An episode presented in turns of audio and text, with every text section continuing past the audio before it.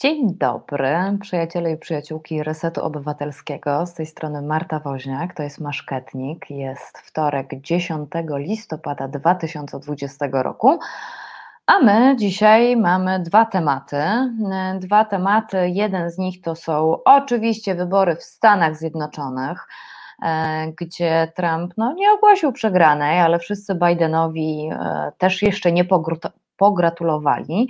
Natomiast e, jak to wygląda, tak z trochę może innej bańki, o tym e, opowie dzisiaj Mikołaj Wąski-Teperek, którego Państwo mogą znać z kanału na YouTubie Niepoprawny Dyplomata. E, który od lat przygląda się Stanom Zjednoczonym i z którym już rozmawialiśmy wielokrotnie, z którym ja rozmawiałam gdzieś indziej e, na temat, na temat sytuacji w Stanach Zjednoczonych. Mogą Państwo też podglądać na Instagramie, co akurat bardzo polecam, bo akurat Insta relacje są bardzo ciekawe i no, jest dużo takiego fact-checkingu, zdecydowanie, natomiast to już za chwilę. Natomiast po godzinie 18 o 18.15 połączymy się razem z Anną Sulin, autorką fantastycznej książki reporterskiej. Jeżeli się Państwo nie interesują sportem, y, tak jak ja, to zdecydowanie jest to rzecz do przeczytania y, bo jest fantastyczna, y, czyli Olimpijki, nie wiem czy to tak dobrze, o tak, Olimpijki Wydawnictwo Czarne 2020 rok i porozmawiamy sobie o kobiecym sporcie, o kobietach w sporcie, o dyskryminacji i o tych mistrzyniach e, świata, których e, raczej się nie pamięta, gdyby porzucać parę nazwisk, to e, myślę, że że niewielu z nas by pamiętało o takich kobietach, e, które jednak przewoziły medale do Polski. E, więc e, taki jest rozkład jazdy na dzisiejszy dzień. Ja przypominam, że to jest Reset Obywatelski. Kanał na YouTubie proszę obserwować, na Facebooku również nas polajkować, żeby Państwo wiedzieli, co się u nas dzieje i co robimy, czym się zajmujemy i przede wszystkim o czym rozmawiamy. Ja jestem z Państwem do godziny 19, natomiast po godzinie 19 e, tutaj, no nie w tym miejscu konkretnie, ale e, pojawi się na, na kanale Resetu Obywatelskiego Konrad Szołajski. E, państwo wiedzą, że no Klementyna Suchanow dołączyła również do zespołu, o czym w zeszłym tygodniu nie mogłam powiedzieć, ale już mogę powiedzieć i serdecznie zapraszam akurat w czwartek między godziną 19 a 20 e, na e, drugą kobietę, która się znajduje w resecie obywatelskim, co mówię z absolutną dumą i schwaleniem się. E, witam Państwa serdecznie, witam Pana Sebastiana, witam Julka, witam Pana Macieja, Pana Janusza, witam Sięsiula Złotego, witam Pana Marka, witam Pawła, witam pana Marcina, witam Mirgo, Jacka. E, no i już tutaj przywitał się z nami niepoprawny dyplomata, czyli Mikołaj Wąski-Taperek. E, no to audycję realizuje Krzysztof, jak zwykle, więc dziękuję Ci Krzysiu, że już tutaj mi Mikołaja wdrożyłeś na ekran. Witam Cię serdecznie Mikołaju. Dzień dobry Pani redaktor, dzień dobry Państwu.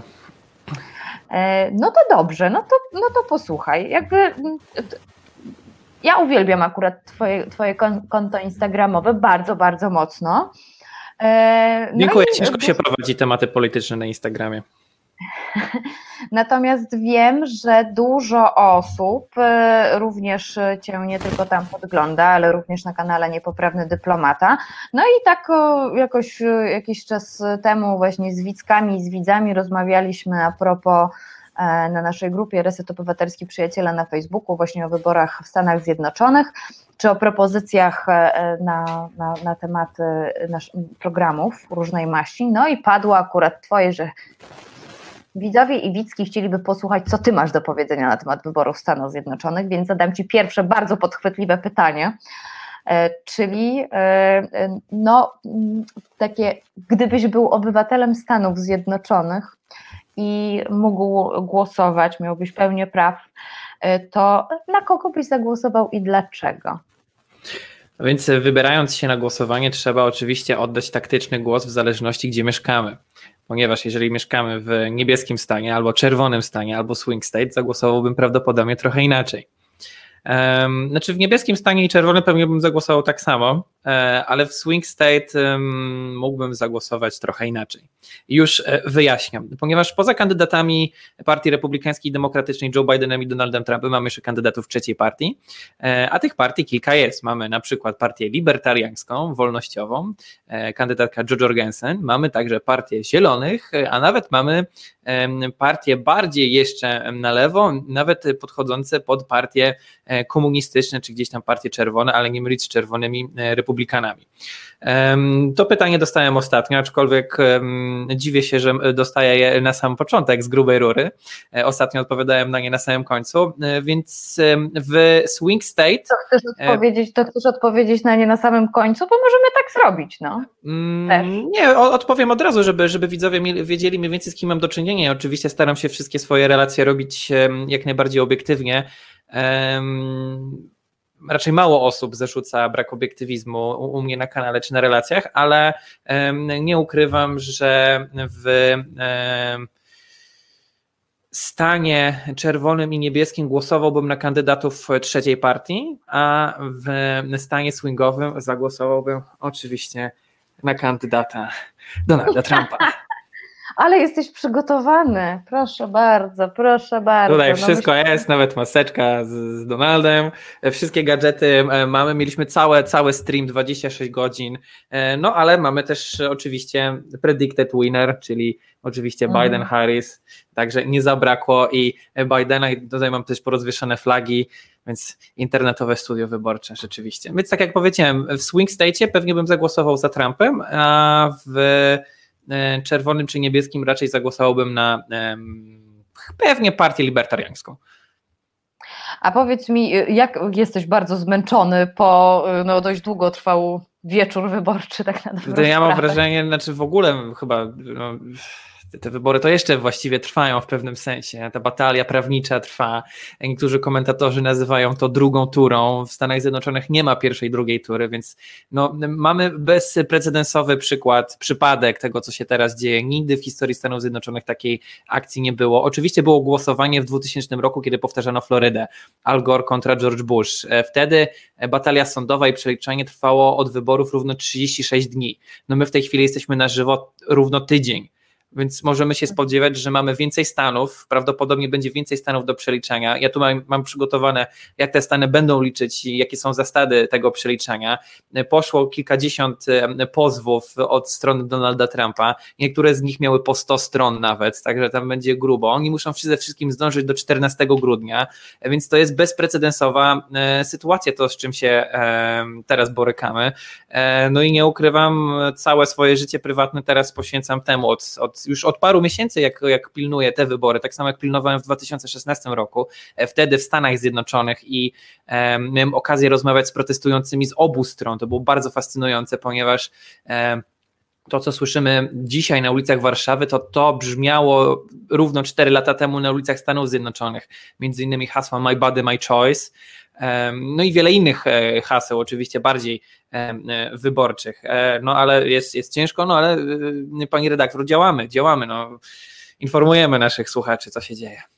Pilnujemy Białego Domu. A powiedz, a powiedz mi w takim wypadku, aha, ja jeszcze tylko powiem naszym widzkom i widzom, że możemy, że jeżeli mają Państwo ochotę, zadzwonić tutaj e, do nas, to jest taka możliwość, e, tak jak to było wcześniej możliwe. Jeżeli mają Państwo pytania, e, to oprócz czatu na Facebooku czy czatu na YouTubie w transmisji jest też dostępny telefon do Resetu Obywatelskiego i on brzmi 698 286 411. Państwo dzwonią, wtedy Krzysztof mi szepnie, że jest tutaj ktoś na antenie i chcielibyśmy e, usłyszeć też Państwa głos, bo czym byłby reset obywatelski bez e, obywatelowania innych obywateli, e, a myślę, że będzie dzisiaj dość gorąco, więc 698 286 411, taki jest numer telefonu do naszego tutaj zdalnego studia resetu obywatelskiego. Jeżeli mają Państwo pytania, koniecznie proszę pytać, proszę dzwonić. E, no ale dobra, to w takim razie zróbmy sobie takie coś na rozgrzewkę, znaczy już mieliśmy pewne, pewne pytanie rozgrzewkowe, no ale tak, w jakim momencie jest Ameryka? E, bo mm, mam takie, mam takie poczucie, że te cztery lata jego prezydentury, znaczy ja nawet nie mam takiego poczucia, tylko jak się poczyta e, też, mm, no jedną ze stron to albo się pogląda Trumpa na Twitterze, e, który absolutnie kocha, to ma się wrażenie, że to jest taki prezydent chaos, że ta prezydentura jest bardzo taka chaotyczna.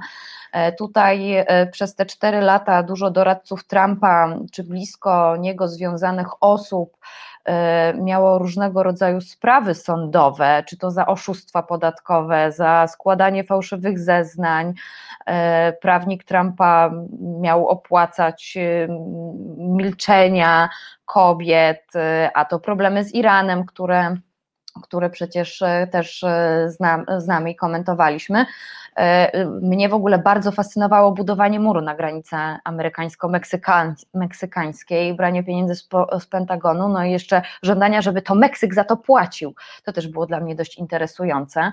E, o, jeszcze był przecież taki plotkarski skandal z gwiazdą porno Stormy Daniels, więc e, jakby no, Trump taki skandalista jest straszny. No i się zastanawiam, czy no właśnie w jakim momencie jest Ameryka po takim prezydencie. No.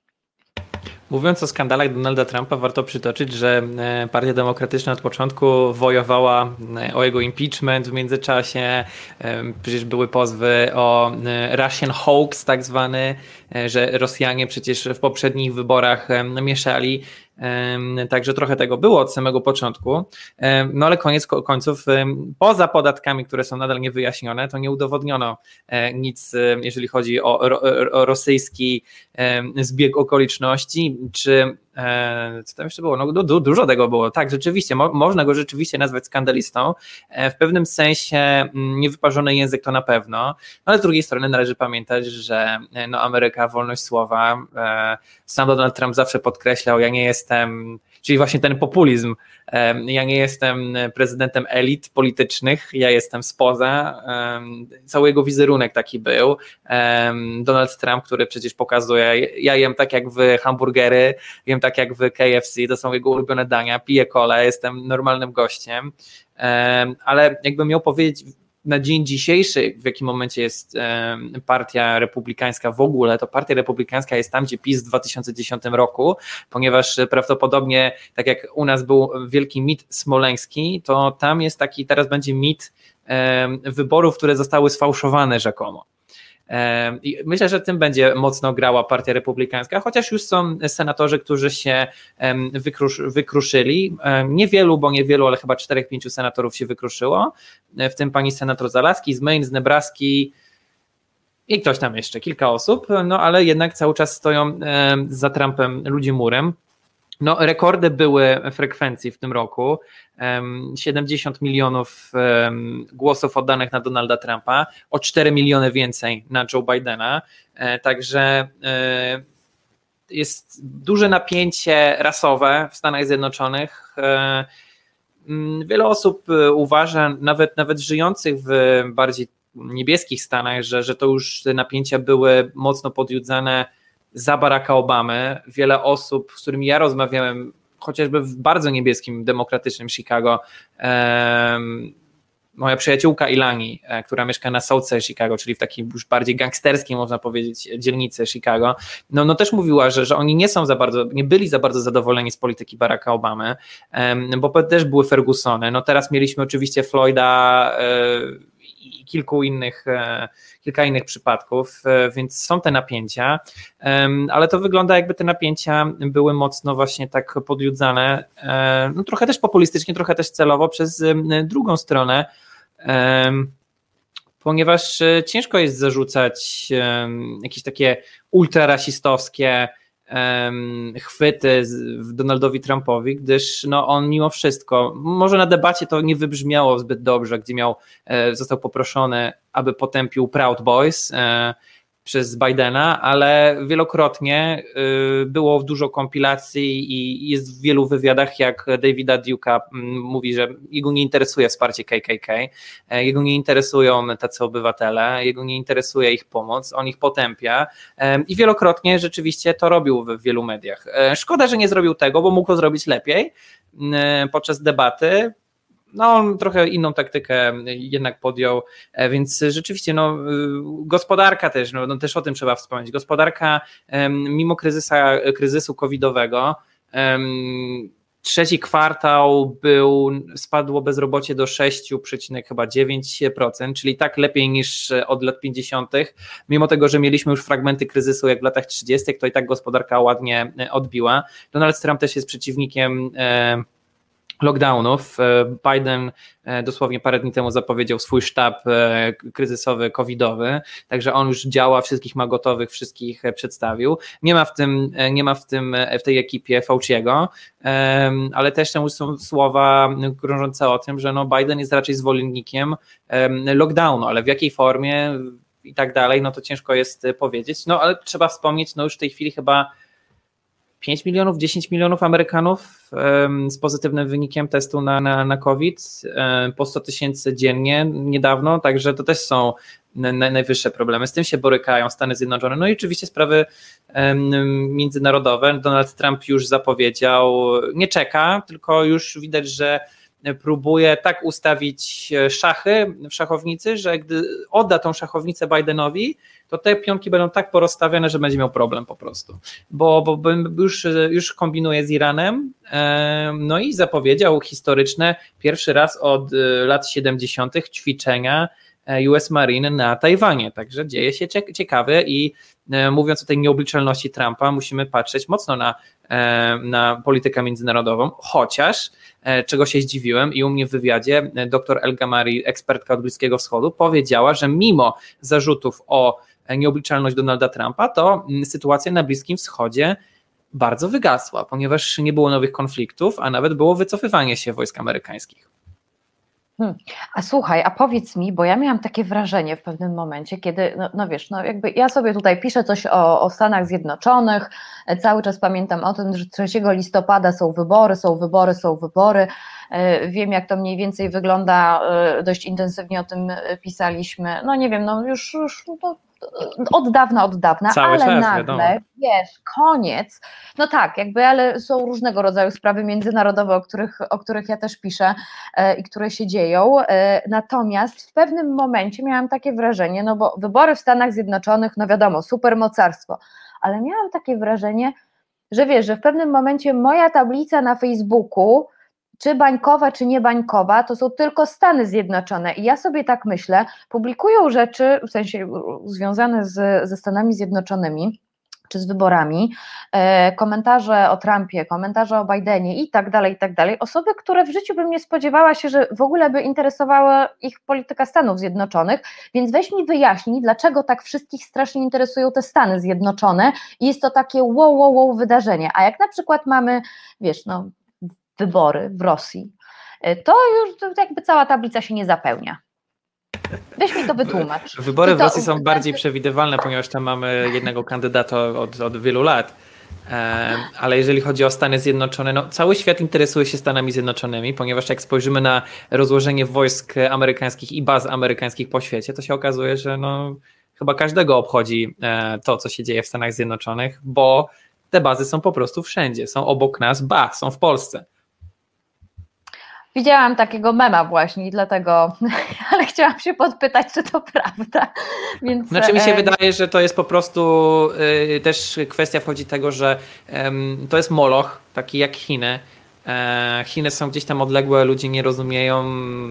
No też jest to taki bardziej kraj, którzy by powiedzieli bardziej totalitarny, więc tam nie jest to tak ekscytujące jak w Stanach, bo, bo jednak wydarzenia, które są w Stanach Zjednoczonych, to jest wielka celebracja demokracji. Są kampanie. No Donald Trump w ogóle jest showmanem, więc gość robi show. E, jest interesującą osobą, interesującą. No to jest tak jak trochę z puszką Pandory. No jest ciekawą, ale co tam jest w tej puszce, no to właśnie, nie? E, także no myślę, że to interesuje ludzi, bo to jest bardzo hollywoodzkie. O wyborach powstało w Stanach Zjednoczonych wiele filmów, wiele political fiction, od House of Cards po wiele innych. No i trzeba przyznać, no ma to duży wpływ także na cały świat i także na Polskę. A, przypomina mi się, że przecież latem był wysyp książek o Trumpie, tak? Jego siostrzenica pisała, Bob Woodward i tak dalej. To też tak a propos, a propos Stanów Zjednoczonych, to też mi się jakoś tak kojarzy i a propos wyborów.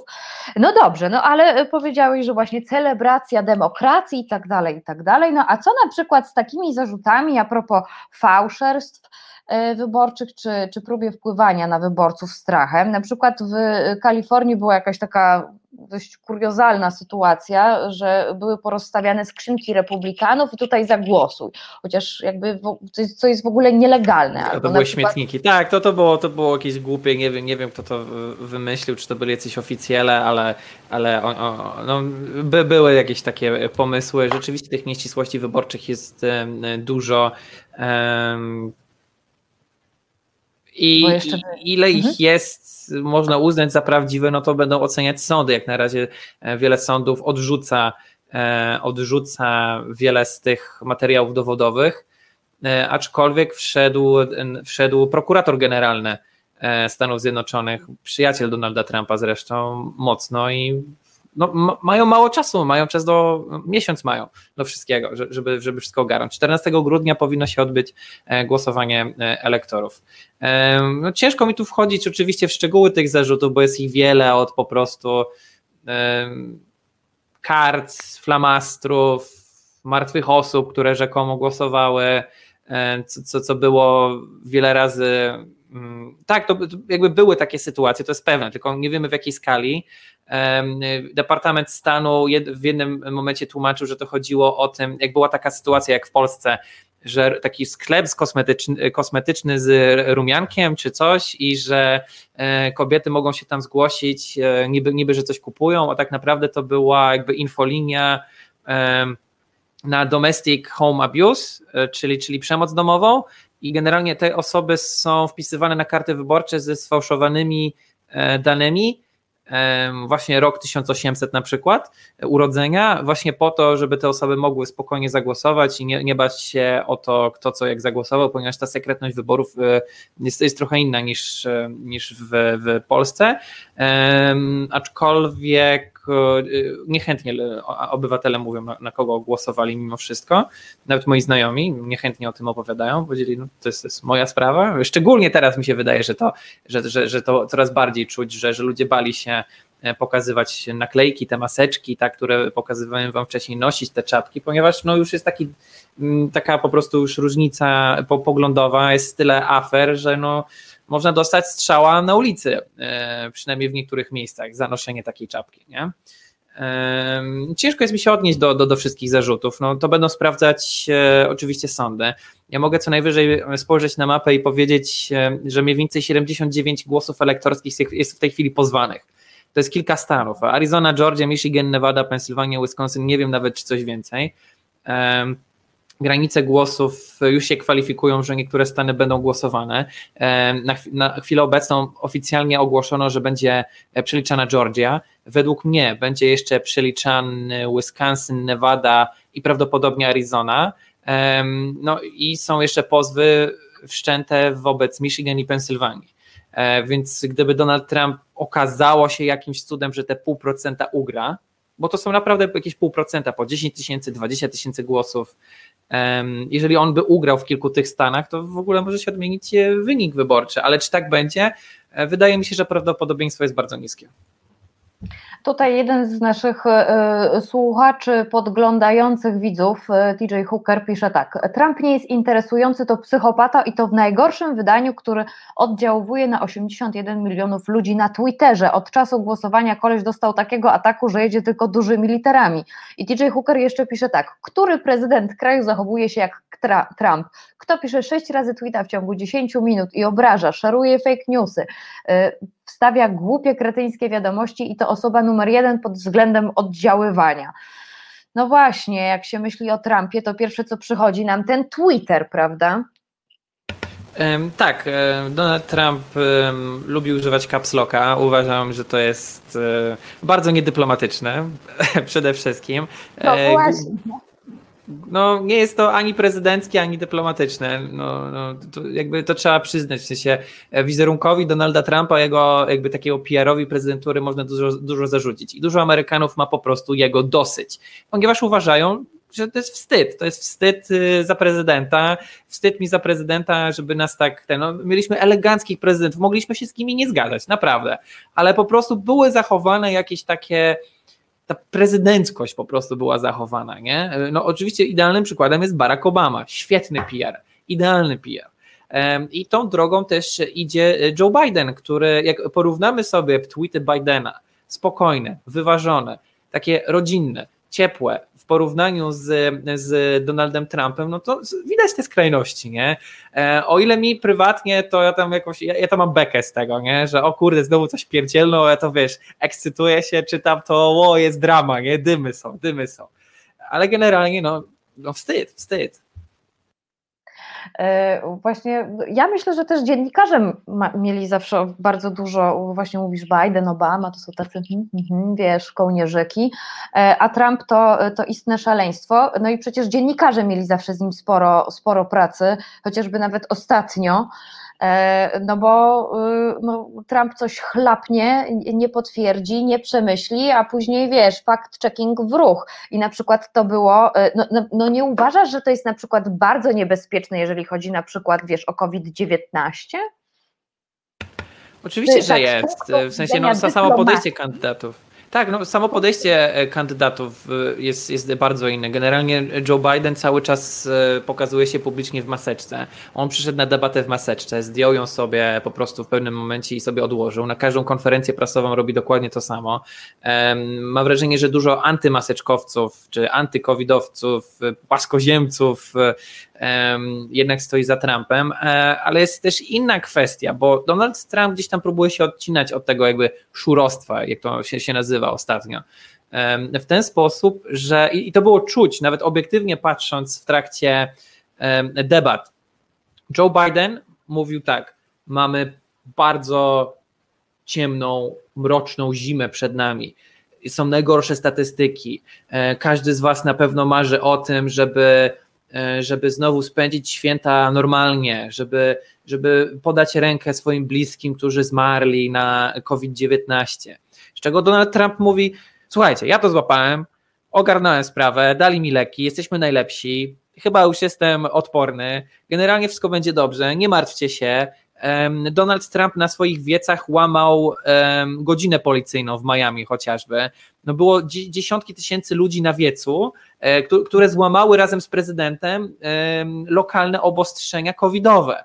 Prezydentem się nie liczy no z prezydentem się nie liczy, nie? Więc y, on totalnie miał to gdzieś, ale ma takie podejście, że słuchajcie, będzie szczepionka, damy radę, jesteśmy Ameryką, najlepszym, sta- naj, najlepszym krajem na świecie, więc z jednej strony szurostwo, nie? Ale z drugiej strony no dobra, taka pozytywna jest ta propaganda. Oczywiście propaganda jako słowo nie możemy, nie możemy używać go, go od razu jako negatywne, bo propaganda sama w sobie jako słowo, ja w ogóle pisałem pracę dyplomową o propagandzie i agitacji i o filmach dokumentalnych propagowych e, w stosunkach międzynarodowych. Ja Ale to... ja miałam inny temat. Więc to jest taki temat, że, że nie możemy patrzeć na to jakoś ten, bo propagowanie czegoś może być pozytywne, propagowanie dobrych nawyków na przykład. No to Biden na przykład pro, propaguje te dobre nawyki. Ale też postaje, pozostaje inna kwestia, czyli kwestia odpowiedzialności. Wczoraj chyba, czy przedwczoraj premier Morawiecki na konferencji prasowej przeprosił za błędy popełnione w, w sytuacji rządu, reakcji rządu. Nie? Co jest bardzo niespotykane wśród polityków. E, zdziwiłem się, jak zobaczyłem tweeta. Nie widziałem konferencji prasowej, ale widziałem cytat e, KPRM-u na Twitterze. I sam dr Fauci, o którym mówi Biden zawsze, no my będziemy słuchać naukowców. No dobra, ale Fauci, nawet polskie Ministerstwo Zdrowia mówiło, no nie trzeba nosić maseczek. I to były informacje jeszcze w lutym, w marcu ja byłem jedną z pierwszych osób, które zaczęła nosić maseczki jeszcze zanim w ogóle mówiono o obowiązku. Ja pamiętam, że kiedyś przyszedłem jeszcze w marcu do piekarni w maseczce, to, to pani się, e, ekspedientka tak mnie przestraszyła, e, że sama pomyślała chyba, że jestem wirusem, skoro noszę maseczkę, no bo poszło do mediów i poszło od ekspertów informacja, maseczki muszą nosić tylko medycy i osoby opiekujące się starszymi, czy osoby z dolegliwościami. No, więc nikt nic nie wiedział, nie? W sensie każdy rząd popełnił błędy. Ktokolwiek by tam nie był i słuchał doktora Fauciego czy jakichś innych ekspertów, musi, musieli się tego nauczyć, musieli zbadać sytuację. Oczywiście Biden e, zarzuca, czemu nie wysłałeś ludzi do, e, jak się to nazywało to w Chinach, ta miejscowość, e, gdzie wybuchł COVID? Co? Wuhan. Wuhan, tak, do Wuhan, że czemu nie wysłałeś ekspertów, czemu nie ten, a on mówi, bo Chińczycy kłamali. China lied, people died. I on mówił, mówi, e, tak jak kiedyś w 2016 mówił, zamkniemy e, do więzienia Hillary Clinton, co się oczywiście nie wydarzyło, to tak samo mówi, e, odpowiedzialność i za covid zapłacą Chińczycy, zobaczycie. Oni, oni za to zapłacą. Tak samo z murem, jakby on powiedział, że Meksyk zapłaci, ale potem powiedział, no no oni zapłacą, bo tam będzie droga płatna, jak autostrada A2 E, do, do, do Poznania czy coś i, i po prostu ona będzie płatna, więc oni w ten sposób zapłacą za to. Nie? Y, Mikołaju, zrobimy sobie chwilę przerwy Zrobimy sobie chwilę przerwy, bo zaraz będziemy lustrować e, jedną i drugą stronę. E, jeżeli mają Państwo e, jakieś pytania albo chcą się podzielić czymś, wiem, że tutaj jestem zasłuchana w to, co mówi Mikołaj, ale podczytuję sobie Państwa komentarze, czy to z Facebooka, czy to z YouTube'a.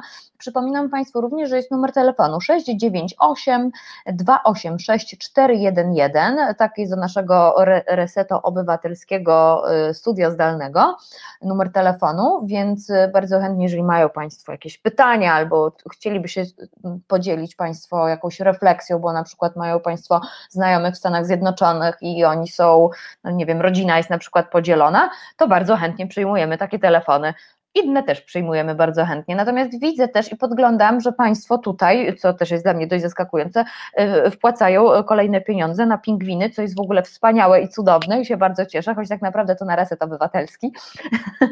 E, za, za, każdy, za każdy datek i za każde wsparcie finansowe bardzo, bardzo mocno dziękujemy. Mogą Państwo też zerknąć na zrzutkę i wpisać reset obywatelski, albo po prostu zerknąć e, e, i ustawić stałe polecenie wpłaty, wesprzeć finansowo Fundację Arbitror, e, a w tytule wpłaty wpisać darowizna na cele statutowe Resetu Obywatelskiego. Więc to tak i robimy sobie taką czterominutową przerwę, wracamy do Państwa za chwilę i my odsapniemy, więc słyszymy się zaraz. Słuchasz Resetu Obywatelskiego. Reset Obywatelski. Medium, które wsłuchuje się w głos swoich odbiorców. Wracamy. Wracamy, to jest Reset Obywatelski, e, do którego zachęcam Państwa do subskrybowania. Tak się mówi Mikołaj. Subskrypcja i Subskrybujemy, lajkujemy, udostępniamy, komentujemy, wchodzimy na Facebooka, na inne Instagramy, social media, zapraszamy. Dzięki, dzięki. Więc tak, to wszystko, co powiedział e, Mikołaj, e, plus jeszcze dołączam do tego niepoprawnego dyplomatę. E, to tam jest zdecydowanie, zdecydowanie więcej nie tylko o politykach w Stanach Zjednoczonych. To tak swoją drogą. E, ale my wracamy do tematu i e, słuchaj, e, tutaj w tym Państwo bardzo, bardzo dużo komentują, bardzo, bardzo mi się to podoba. Jeżeli ktoś z Państwa ma ochotę zadzwonić, 698 286 411, taki jest numer do naszego resetowego studia to wyłuskałam z tego wszystkiego. Bardzo fajne, mm, bardzo fajne pytanie pani Magdaleny. Aha, chyba źle je skopiowałam tutaj. Pani Magdalena pytała, czy Biden ma jakiekolwiek szanse na zapytanie, aha, chyba na zasypanie podziałów w Stanach Zjednoczonych? Myślę, że to się nie uda przez najbliższe 4 lata. To są kwestie tak, e, tak, tak grubo się zrobiło, a już było za Obamy grubo, a teraz jest jeszcze bardziej grubo, że to to, to może być ciężkie, tym bardziej, że pozwy wyborcze temu nie pomagają. Mhm. E, dobrze, ale znaczy, okej, okay. Mm, może takie mm, tabloidowe e, myślenie, bo tutaj te Twittery, te, e, no, taki bezpośredni kontakt z różnymi, znaczy no, ze swoimi wyborcami, i więc po, po, pomijając to takie tabloidowe myślenie, które bazuje bardzo mocno na emocjach, które to Trump dostarcza, może bezwiednie, może wiednie, to z jakimi załatwionymi i z jakimi niezałatwionymi sprawami zostawia Trump prezydenta elekta Joe Bidena? Przede wszystkim Trump e, miał mm, hasłem polityki zagranicznej Trumpa było America First. Także roszczenia dotyczące NATO, że my nie będziemy za każdego płacić. No, takie du, dużo posprzątał na Bliskim Wschodzie, ale też dużo jednak zostało niedokończonego. Generalnie oczywiście odejście od dealu irańskiego, które, które wiele osób krytykowało, ponieważ Stany Zjednoczone zapłaciło wtedy 1,8 miliarda e, dolarów, e, oczywiście kasy amerykańskiej podatnika na to, żeby właśnie e, Iran zaprzestał. Mm, zaprzestał eksperymentowania nad, nad, bronią jądrową, ale takie największe punkty zapalne to jest oczywiście Morze Południowochińskie, niedokończony temat Korei Północnej, ponieważ o ile widzieliśmy aż trzy spotkania Donalda Trumpa z Kim Jong-unem, Kim Jong-un nadal nie pogratulował Joe Bidenowi, to, no to była trochę porażka jednak tej polityki, bo, bo nic z tego nie wyciągnęliśmy. Donald Trump zaangażował się osobiście E, z Kim Jong-unem, trzy spotkania, tak jak wspomniałem, e, Singapur, Hanoi, na granicy oczywiście. E, po czterech latach rządów Trumpa arsenał nuklearny i rakietowy, to mam wszystko przygotowane. Jest, arsenał jest jeszcze bardziej zaawansowany i rozbudowany zamiast sukcesów na polu nuklearnym Trump wzmocnił pozycję. E, Kim Jong-un długo, w ogóle Korea długo zabiegała na, na te spotkania, sankcje wycofał, bo, bo myślał, że, że może jednak właśnie Korea się wycofa z tych swoich tak e, planów jądrowych. Oczywiście zarzut, który dostał w ogóle na samej debacie e, Donald Trump od Joe Bidena, to takie, no, no, że generalnie to fajnych masz kolegów, nie? E, uważam, że e, Donald Trump stracił tutaj okazję, aby przejść do historii debat e, prezydenckich w USA, ponieważ mógł odpowiedzieć wprost: Keep your enemies close, but your enemies closer. I to już w pewnym momencie fajnie by, by zagałagodziło. Nawet niepowodzenia byłyby tutaj. Mm, to hasło mogło być takie, no próbowałem, próbowałem, nie? mi się z, z tej polityki nie podobały dobre relacje, czy dobre relacje, olanie Kurdów mocno, ponieważ Kurdowie e, oczywiście walczyli z państwem islamskim. O ile Donald Trump zneutralizował Sulejmaniego i, i tego drugiego i ogólnie jakby pokonał państwo islamskie, to Joe Biden jest politykiem, który bardzo się boi takich e, konkretnych decyzji, ponieważ nawet gdy był wiceprezydentem Obamy, nie było go w Situation Room, e, kiedy było przechwycenie Osama Bin Ladena, Bin Ladena za kadencji Obamy. E, Joe Biden nie lubi takich rzeczy. E, no, z jednej strony mamy trochę bardziej posprzątane, nie licząc tych wilków, które ostatnio widzieliśmy chociażby w Wiedniu dosłownie kilka dni temu. I, i, i oczywiście chyba nawet Francja e, ogłosiła, że, że, że, że musimy mieć rewizję strefy Schengen, żeby ci terroryści nie mogli tak e, sobie żwawo przemieszczać się między krajami europejskimi, to jest względny porządek na Bliskim Wschodzie, ponieważ ostatnie traktaty były podpisane no nie tylko w Bliskim Wschodzie, ale też w Afryce Subsaharyjskiej, z Sudanem, nawiązanie no, nowych relacji, z Izraelem cały czas piękne i dobre relacje. E, Mm, Netanyahu trochę zwlekał z, z, z gratulacjami, niedługo, ale zwlekał A, ciutkę. Po, tak, potem pogratulował. Nie tak szybko jak Macron, Merkel i Boris Johnson i Ursula von der Leyen, którzy pogratulowali prosto od razu. No bo w, w kontekście Unii Europejskiej no to będzie przywracanie oczywiście relacji z NATO, Europy, z, z, innymi krajami europejskimi, odejście od polityki takiej prowęgierskiej, no, chociaż bardziej propolskiej, chociaż z tym propolskością to też jest takie, kurde, e, Polacy się bardzo cieszą, w sensie rząd się no bardzo właśnie, cieszy. Słuchaj, właśnie pan Marcin e, pisze i do, również do tego pytania, chyba do pytania, do refleksji skłania się e, inna nasza e, Wicka Bajubaj. Jestem ciekawy, czy po wygranej Bidena zmienią się relacje polsko-amerykańskie. To będzie mocno zależeć od Polski. Generalnie dla mnie jest śmieszne teraz wyszukiwanie e, piastów śląskich e, czy, czy cieszyńskich w, w drzewie genealogicznym Joe Bidena, że o, on ma polskie korzenie. No dla mnie to jest po prostu totalny absurd, jak, jak zeszło e, telewizja publiczna i prawicowe media od, od tego, że to jest wielki wróg Polski do, do tematu, nie no patrzcie, on ma polskie korzenie, widział się z papieżem, szanuje Kaczyńskiego, Lecha Kaczyńskiego, bo było spotkanie wiceprezydenta z, z Lechem Kaczyńskim. E, także no, no, dla mnie to jest taka zmiana narracji, że nie będzie odrat, do odratowania. Joe Biden i jego doradcy od spraw zagranicznych dobrze wiedzą, co się dzieje w Polsce, e, są świadomi strajku kobiet, e, widzieli, co się dzieje. Um, i, i, tego się nie da ukryć. Cały świat widzi, co się dzieje na ulicach Polski, także jakbym miał powiedzieć, dziewczyny, Joe Biden o was wie, Joe Biden o was słyszał. E, na pewno. Mm, kurde, jest tyle wątków. E, e, no, to będzie dużo zależeć od Polski, nie? Już były naciski od Moschbacher, jeżeli chodzi o LGBT w Polsce, więc nie można powiedzieć, że pani Moschbacher się, się nie interesowała sprawami, jako ambasador Donalda Trumpa sprawami w, w, w, w Polsce, moc, mocno karciła i, nasz rząd i trzymała hardkorowe bardzo negocjacje, jak hardcore negotiations i, i pilnowała interesów, e, to dużo no, Joe Biden raczej, raczej nie będzie na przykład zmieniał toru militarnego. E, wojsk amerykańskich w Polsce, ponieważ to Joe Biden był tą osobą, która się widziała z ministrem obrony narodowej Siemoniakiem w 2014 roku, kiedy był kryzys ukraiński w Donbasie i Doniecku i zajęcie Krymu.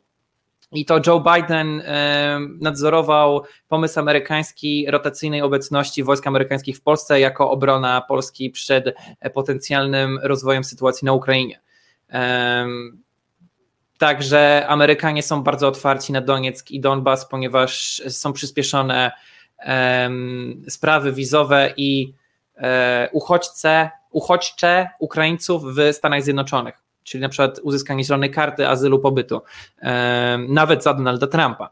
E, jakby w tej sprawie też się jakby e, nie zmieniło nic, ale oczywiście Joe Biden będzie musiał się zająć DACA, czyli Dreamersami z powrotem, E, o ile nie było jakichś masowych deportacji, to, to ten temat gdzieś tam e, został przekreślony. Powrót do WHO, powrót do traktatu paryskiego i, i pewnie Joe Biden będzie próbował mocno z Kamalą Harris pokazywać, my jesteśmy inni, my jesteśmy ludzcy, e, my musimy totalnie ten trumpizm, to nie jest nawet choroba, trumpizm nie jest chorobą, trumpizm jest chorobą po prostu zabójczą wręcz, nie? Oni będą po prostu wszystko na siłę, na złość odwracać. Już w tej chwili chcą to robić, mocno się starają, żeby już teraz, e, mimo tego, że Trump walczy po sądach, e, już gdzieś tam interweniować i, i mieć dostęp do rządowych budynków chociażby, co uniemożliwiają mu e, urzędnicy bliscy Trumpowi, ponieważ jest specjalny urząd, który zajmuje się tym transition of power, E, i oni nadal nie chcą e, wszcząć e, tej procedury, tej, tego transition, ponieważ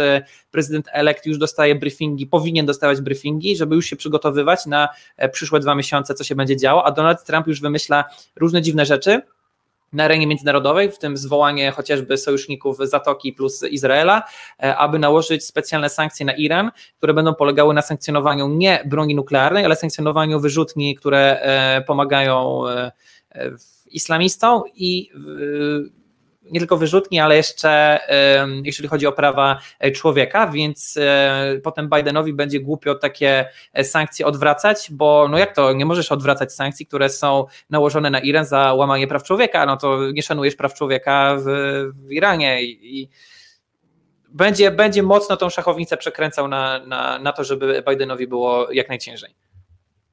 E, tutaj e, to właściwie chciałam się zapytać też, czy nazwałbyś Trumpa w jakiś sposób populistą? Natomiast wiem, że też z tym pytaniem zazwyczaj może się wiązać to takie porównywanie polityki Trumpa do tego, co serwuje nam PiS. E, no i e, tutaj e, TJ Hooker pisze, Trump przywrócił godność rednekom, teraz każdy na traktorze to pan świata, Trump narobił też długów, rządził w szczycie koniunktury, to tak jak PiS, dopiero teraz COVID go załatwił, dlatego przegrał. Jak byś się odniósł do tego komentarza? Że zostawił w. Musiałem SMS-a przeczytać, przepraszam, bo klient mnie męczy. Musiałem. Jakbyś mogła jeszcze raz przeczytać pytanie. Y, już. Trump przywrócił już, godność tak. rednekom, teraz każdy na traktorze to pan świata. Trump narobił wiele też długów, rządził w szczycie koniunktury, to tak jak PiS dopiero. Mm, tak, słyszałem te zarzuty, że, że, że, że koniunktura wzrosła tak naprawdę dzięki, dzięki Obamie. No ale to jakby prezydent, czasy definiują prezydenta. Przywrócił godność rednekom. Tak, to było takie populistyczne. E, podejście tego, że słuchajcie, my mm, jesteśmy lepsi, e, my jesteśmy e, jakby prosty człowiek z traktora może wybrać prezydenta, nie? Przywrócił tą jakby godność Oklahomie, Nebrasce. No to tak, ale, ale tam, jeżeli chodzi o długi, nie wiem, ciężko, ciężko mi się od tego odnieść, bo, bo tam jest tak dużo spraw rozwarstwionych, jeżeli chodzi o gospodarkę Stanów Zjednoczonych. Myślę, że najważniejszym aspektem jest e, jego reforma podatkowa, podatku federalnego dochodowego, e, który jest oczywiście progresywny i on tam, on tam pozmieniał. E, wiele osób mówi, że, że nadal dobrze się, się prowadzi. No, same wyniki, tylko wiesz, może i gospodarka fajnie wygląda na papierze i na giełdzie, ale ona wcale nie musi w praktyce tak dobrze wyglądać, jednak, jednak mimo kryzysu, szczególnie ostatniego, e, to, to były, były duże, duże problemy. Ale no, e, podsumowując Trumpa, mm, to, to jednak ta gospodarka poszła w górę, nie? ale to, to, to jest dla ekonomistów do zastanowienia się, ile w tym mm, pomógł Obama, a ile w tym rzeczywiście było Trumpa w Trumpie. No tak. A, czy, mm, a w czym Biden mógłby być lepszy od Trumpa? PR-ze na pewno. no, musimy na pewno patrzeć na politykę e, na politykę międzynarodową, że, że to będzie e, kompletnie inne relacje z Kanadą, z, no, chociaż Trump e, uważał, że mają dobre relacje, oczywiście sąsiedzkie, ale raczej trudno nie przepada za Trumpem, zdziwiłbym się jakby przepadał, to pamiętam, że naftę przecież renegocjowali, no, Nord North American Free Trade Agreement cały został tak e, wynegocjowany na początku z Meksykiem. On tam mówił, że to było wszystko nie fair, teraz jest fair. Um, kurde, w czym byłby lepszy? No nie wiem, to, to, to musimy zobaczyć, nie? W sensie, um, jakbyśmy mieli spojrzeć na 47 lat um, kariery politycznej Bidena, to jest tam wiele zarzutów mimo wszystko. Mhm. Więc e, było, było dużo obietnic, ale wiesz, no, Trump wszedł z biznesu, więc mogliśmy się spodziewać różnych rzeczy, ale po polityku takim twardym, rasowym, no wcale niespecjalnie musimy się spodziewać jakichś e, ultra rzeczy. Na pewno będzie próbował łagodzić konflikty, ale wiesz, no to, że on wyszedł e, i powiedział, że no my chcemy, żebyście się teraz zjednoczyli, y, nie hejtujcie się, to nie są nasi wrogowie, że mimo tego, ale, ale wiesz, już, już widzę, jak republikańscy politycy do tego odchodzą. Oni mówią, nazywaliście nas faszystami przez 4 lata, e, chcieliście po prostu nas, nas uwalić. E, my nie będziemy teraz grzeczni e, i się słuchać, że teraz wy wyciągacie rękę. To jest, e, tam ktoś widziałem mema, ktoś porównał, że robisz burdę na mieście, e, to było porównanie do tych burd na mieście, które były e, jako protesty protesty, e, rozbójki e, po, po George'u Floydzie, a potem wraca do domu i mówi e, no Marta, przepraszam cię, wróćmy do siebie, wszystko będzie ok, wiesz, i, i jak taki ex-chłopak, który zrobił rozpierdziel, a, a potem obiecuje, że jednak będzie inaczej. No ciężko przewidzieć, no o wiele bardziej świeższym politykiem jest tutaj Kamala Harris. O, no właśnie. Biden Bidenem. E, nie wiem, jak Twoja bańka internetowa, ale moja oszalała na punkcie Kamali Harris, e, no bo pierwsza kobieta, wiceprezydentka, jeszcze elektka. E, tutaj czarnoskóra z Azji, no, reprezentuje dużo mniejszości jakby swoim pochodzeniem. Ja mam takie, ja mam jakieś takie, mm, ja się właściwie zastanawiam, skąd taki szał na nią e, i mam wrażenie, znaczy i się zastanawiam, czy na przykład nie, czy ona jednak trochę nie przysporzyła e, większości, to znaczy no przychylności bardziej ona niż sam Biden. Trochę się też nad tym zastanawiam, nie wiem, może źle. E, możliwe, znaczy w ogóle sam wybór wiceprezydenta oczywiście jest bardzo istotny, zawsze był istotny, e, szczególnie teraz jest istotny, ponieważ e, no, mamy historyczny moment, kiedy mamy pierwszą kobietę wiceprezydent. Oczywiście to nie jest pierwsza kandydatka, która, która miała, ponieważ potencjalnie Sarah Palin była kandydatką w 2008 McCaina, gubernator Alaski, ale pierwszą taką kandydatką była w 1977 roku pani z mm, partii libertariańskiej, gdzieś tam libertarianie bardziej przy te szlaki oczywiście oczywiście e, przeszukiwali, ale to nie jest pierwsza osoba koloru, e, która będzie wiceprezydentem, ponieważ mieliśmy wiceprezydenta w latach 1929-33 e, i to był Charles Curtis, który był z plemienia Kaw i on był wiceprezydentem Herberta Hoovera w tych latach i był Indianinem, który normalnie po Białym Domu chodził w pióropuszu. Więc y, to, to, to, to z tych, ale rzeczywiście o wiele świeższą osobą w polityce jest Kamala Harris, ponieważ y, obecnie jest, y, jest była panią senator Kalifornii. Ona jest prawnikiem, wcześniej była um, prokuratorem w Generalnym Kalifornii, a jeszcze wcześniej prokuratorem hrabstwa San Francisco.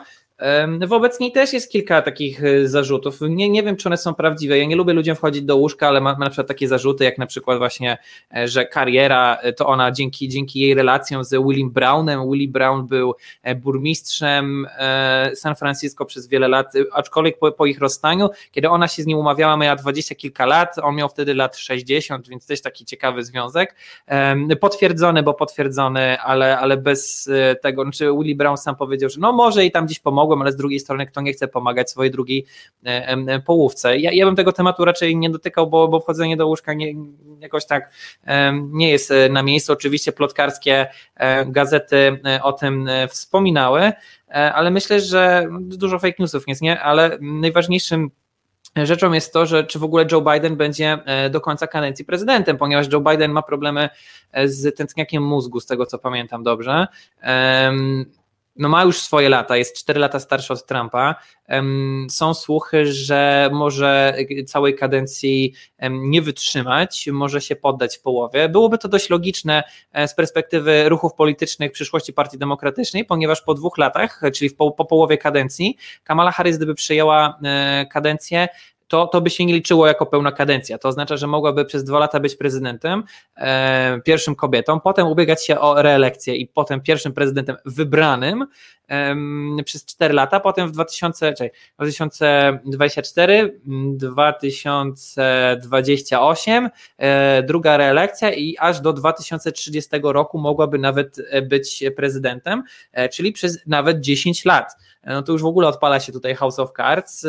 Kamala Harris ma 56 lat, także na pewno dłużej mogłaby sprawować ten urząd niż, e, niż e, Joe Biden, czy chociażby e, niż Nancy Pelosi, która też jest uznawana za Iron Lady w amerykańskiej polityce. I taką Iron Lady rzeczywiście jest Kamala Harris, aczkolwiek no cały czas są jakieś zarzuty wobec niej, zarzuty między innymi tego, jakim prokuratorem była w Kalifornii. I że nie miała wcale dobrych relacji z policjantami e, kalifornijskimi, że łapała młodych chłopaków za posiadanie małych ilości narkotyków, co wśród demokratów progresywnych jest e, niefajne, bo nawet teraz przyszedł w Oregonie zapis, że nie ma pełnej legalizacji narkotyków, ale jest zakaz penalizacji za posiadanie ich. E, w małych ilościach, to znaczy możesz nawet mieć kwasy, nie kwasy, grzyby, nie grzyby e, i nic ci się generalnie nie stanie w stanie Oregon, także już w tą stronę idzie partia czy, czy Stany demokratyczne, no jest wobec niej trochę zarzutów, no ale widać, że jest taką hardą kocicą, no Iron Lady, tak? No, ona, ona będzie stery pewnie gdzieś tam trzymać i, i te zarzuty mówiące o tym, że, że, że ona będzie tam prowadzić starszego pana za rączkę przez tą prezydenturę, no to one mają gdzieś tam mm, trochę mm, podstaw, nie? Mhm. Rozumiem. Ja też się. Ja też miałam takie wrażenie i dlatego też y, stwierdziłam, że Ciebie wezmę tutaj do tej rozmowy, e, bo ja miałam w pewnym momencie takie wrażenie, tak jak nagle się wszyscy zaczęli interesować tymi Stanami Zjednoczonymi, tak nagle, tak znikąd, E, i wrzucać wszystko na te swoje tablice, tak tutaj po e, zwycięstwie wyczekiwania na Bidena, a jak wymyślicie mhm. i tak dalej, i tak dalej. I ten Biden tutaj zostaje tym prezydentem elektem, to mam takie wrażenie, że komentarze w związku z tym, i to mnie strasznie wkurzyło, ale to mnie strasznie wkurzyło, jakby dla ścisłości. Dla ja mnie, wiem, o czym mówisz. Dla mnie Trump to nie jest jakby osoba, którą, jakby dobrze, że ja nie musiałam wybierać w Stanach Zjednoczonych, ale strasznie mnie wkurza takie myślenie i patrzenie na zwycięzców, jako, i to takich, wiesz, trochę innych jednak, jak nas przyzwyczaił Trump do tych właśnie tweetów, nie tweetów, tego tak. chlapania językiem i tak dalej. Nagle po prostu jak zbawcy narodu oni są, właśnie ten y, y, y, Biden razem z Harris. I mam takie poczucie, że chyba powinniśmy na nich patrzeć nie jak zbawców narodu, że wow, w końcu Ameryka tutaj jakby nie wiadomo, Normalność, co się tak. ale e, no to jedna rzecz e, a propos, a propos równości, ale też myślę sobie, że patrzmy na nich jak na polityków. Mhm. No tak, to, to, są, to są rasowi politycy, e, bezwzględni, to są karierowicze, to nie są ludzie znikąd. Ludzie w polityce, nieważne jacy są, to, to nigdy nie możemy zakładać, że oni są czyści, idealni i, i na białym koniu wjeżdża Biden z Harris i jest wszystko idealnie. E, mnie też e, generalnie to e, bardzo się nie spodobało, w szczególności jeżeli musimy powiedzieć o, o Polakach, a, a, głównie o naszej opozycji, gdzie już się stawia Trzaskowskiego obok Kamali Harris. Wow, za cztery lata to będzie petarda polityczna, teraz to będzie czas Trzaskowskiego, będzie e, jaki to jest kult po prostu, nie? Ja rozumiem, że był bardzo duży kult dookoła Trumpa i jego rodziny, bo był, nie pochlebiam tego, ale e, to działa dokładnie w drugą stronę, czyli no to jest po prostu hipokryzja, że robimy kult jednostki, gdzie mówimy o demokracji, nie powinniśmy tak z założenia e, robić. E, dla mnie to jest o tyle śmieszne, że e, cieszę się, że po nosie dostaje PiS za to, że postawili na jedną kartę. Tak, no, dywersyfikuje się. W ekonomii używa się takiego słowa jak dywersyfikacja pieniędzy, dywersyfikacja ryzyka. E, no oni tego ryzyka w ogóle nie zdywersyfikowali, teraz szukają w ogóle połączenia piastów e, cieszyńskich, e, Mieszka Piastowskiego z, z Joe Bidenem w ogóle jest chore szukanie takich połączeń i teraz wiadomości, tak, Lech Kaczyński, Biden, super przyjaciele, czyli odwracanie w ogóle tej, tej propagandy całej. Mm, I no, no nie można tak robić, nie? No trzeba patrzeć na, na, na, na ręce. Ja, yy, ja się cieszę, że, o, to chciałem powiedzieć, ja się cieszę, że PiS dostaje po głowie, ale z drugiej strony, strony denerwuje mnie, wiesz, okładka Newsweeka, która stawia Kaczyńskiego z Trumpem, e, ponieważ Trump ma kompletnie inne poglądy na wiele spraw niż Jarosław Kaczyński e, i, i wątpię, żeby się generalnie zgodzili i, i można nazywać obu populistami, to są kompletnie inne charaktery, to jest inna polityka. Donald Trump nie neguje e, LGBT, sam pokazywał się na wiecach w czapce LGBT, śpiewał do YMCA, wiele razy powiedział, że transwestyci u niego mogą w Trump Tower korzystać z toalety takiej, jaką sobie, wybiorą, on nie ma z tym żadnego problemu. Na stronie oficjalnej Trumpa można kupić dokładnie taką samą czapkę w e, kolorach tęczy, LGBT for Trump, były spotkania queer community z Trumpem e, podczas tej kampanii wyborczej. Media tego nie pokazywały zapewne celowo. E, sama Moschbacher przecież chciała penalizacji, czy penalizacji, chciała, kiwała palcem do PiSu, że nie możecie tak traktować społeczności LGBT. Może nie zrobił tego tak, tak samo Joe Biden, który, który udostępnił artykuł, nie wiem, czy Washington Postu, czy jakiejś innej gazety, a propos LGBT Free Zones, y, no Donald Trump tego nie zrobił, ale on w ogóle wiele, wiele rzeczy nie zrobił. On, on potępił KKK, ale no, na debacie mógł to zrobić lepiej. tej komunikacji u Trumpa brakuje, ale no, daleko jest, żeby szukać tam takich, takiego faszyzowania czy, czy, czy ubierania go jakiegoś takiego ultrawroga, e, ponieważ tematu aborcji w ogóle nie, nie podnosił, e, tematu LGBT też za bardzo właściwie nie podnosił, a nawet mówił, że, że pomagał E, tylko to, to musimy e, na osobny odcinek jakiś research w ogóle zrobić e, jako osobny materiał, żeby to dokładnie skontrować to wszystkie ja zarzuty. mam dla nie? ciebie, to ja mam dla ciebie a propos tematu aborcyjnego, tutaj Pence podpisywał, no i właśnie nie pamiętam dokładnej nazwy tego, no, Pence to tak. Konsensus genewski, deklaracja konsensusu genewskiego, czy coś takiego, gdzie tam wśród dwudziestu kilku krajów, gdzie jest na przykład Sudan mhm. Południowy, jest e, chyba tam Pakistan, jest też Polska, Białoruś, są Węgry, są też Stany Zjednoczone i to okay. jednak się bardzo mocno wcina w Wiesz, więc, ale to też, to też jakoś tak. Ale wiesz co, dużo, dużo, dużo ludzi, którzy wspierają Trumpa, generalnie też się gdzieś tam próbuje odcinać od Pensa, bo jest też taki umiarkowany konserwatyzm u republikanów. E, I spotkałem takie osoby na protestach w, w Nowym Jorku i oni mówili: My jesteśmy za Trumpem, ale już dajcie spokój z tą aborcją i z tym LGBT, my nie mamy do was problemu. E, to bardziej Pence, to bardziej Pence, nie? Mhm. Okej, okay, dobra, więc, e, więc to tak. No i słuchaj, jeszcze tak na sam koniec, bo na zegarach jest 18.04. Mhm. E, ja tu jeszcze bym Cię bardzo dużo rzeczy zapytała, ale o 18.15 startujemy z olimpijkami i z Anną Sulińską, e, więc trochę politycznie będzie tylko troszeczkę ale już po polsku. Słuchaj, Jakub Dymek, dziennikarz, który no, przyglądał się Stanom Zjednoczonym, no, też bardzo długo się im przygląda, napisał taki tekst, który Państwo mogą sobie zerknąć na e, substaku Kuby, Dym, Kuby Dymka. Nazywa się Przedwczesny pogrzeb populizmu. I tam jest taki, taki fragment, akapicik, e, który chciałabym, żebyś skomentował, bo to jest, to jest dla mnie dość ciekawe, jeżeli mówimy właśnie wygrana w kategoriach wygranej i przegranej, więc uwaga, czytam.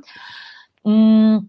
No więc Demek pisze tak, 72 miliony Amerykanek i Amerykanów oddały na niego swój głos, w tym bezprecedensowa ilość mniejszości afro- i latynoamerykanów. 8 listopada, gdy pisze te słowa, różnica między Bidenem i Trumpem w skali kraju wynosi nieco ponad y, 2% głosów. To nie brzmi jak triumf, to brzmi jak podzielony kraj. Mimo, że Trump miał pociągnąć na dno partię republikańską, Amerykanie prawie wszędzie przedłużali, przedłużyli w tych wyborach mandaty republikanom. Trudno te wyniki nazwać miażdżącymi i zdecydowanym zwycięstwem nad prawicowym populizmem.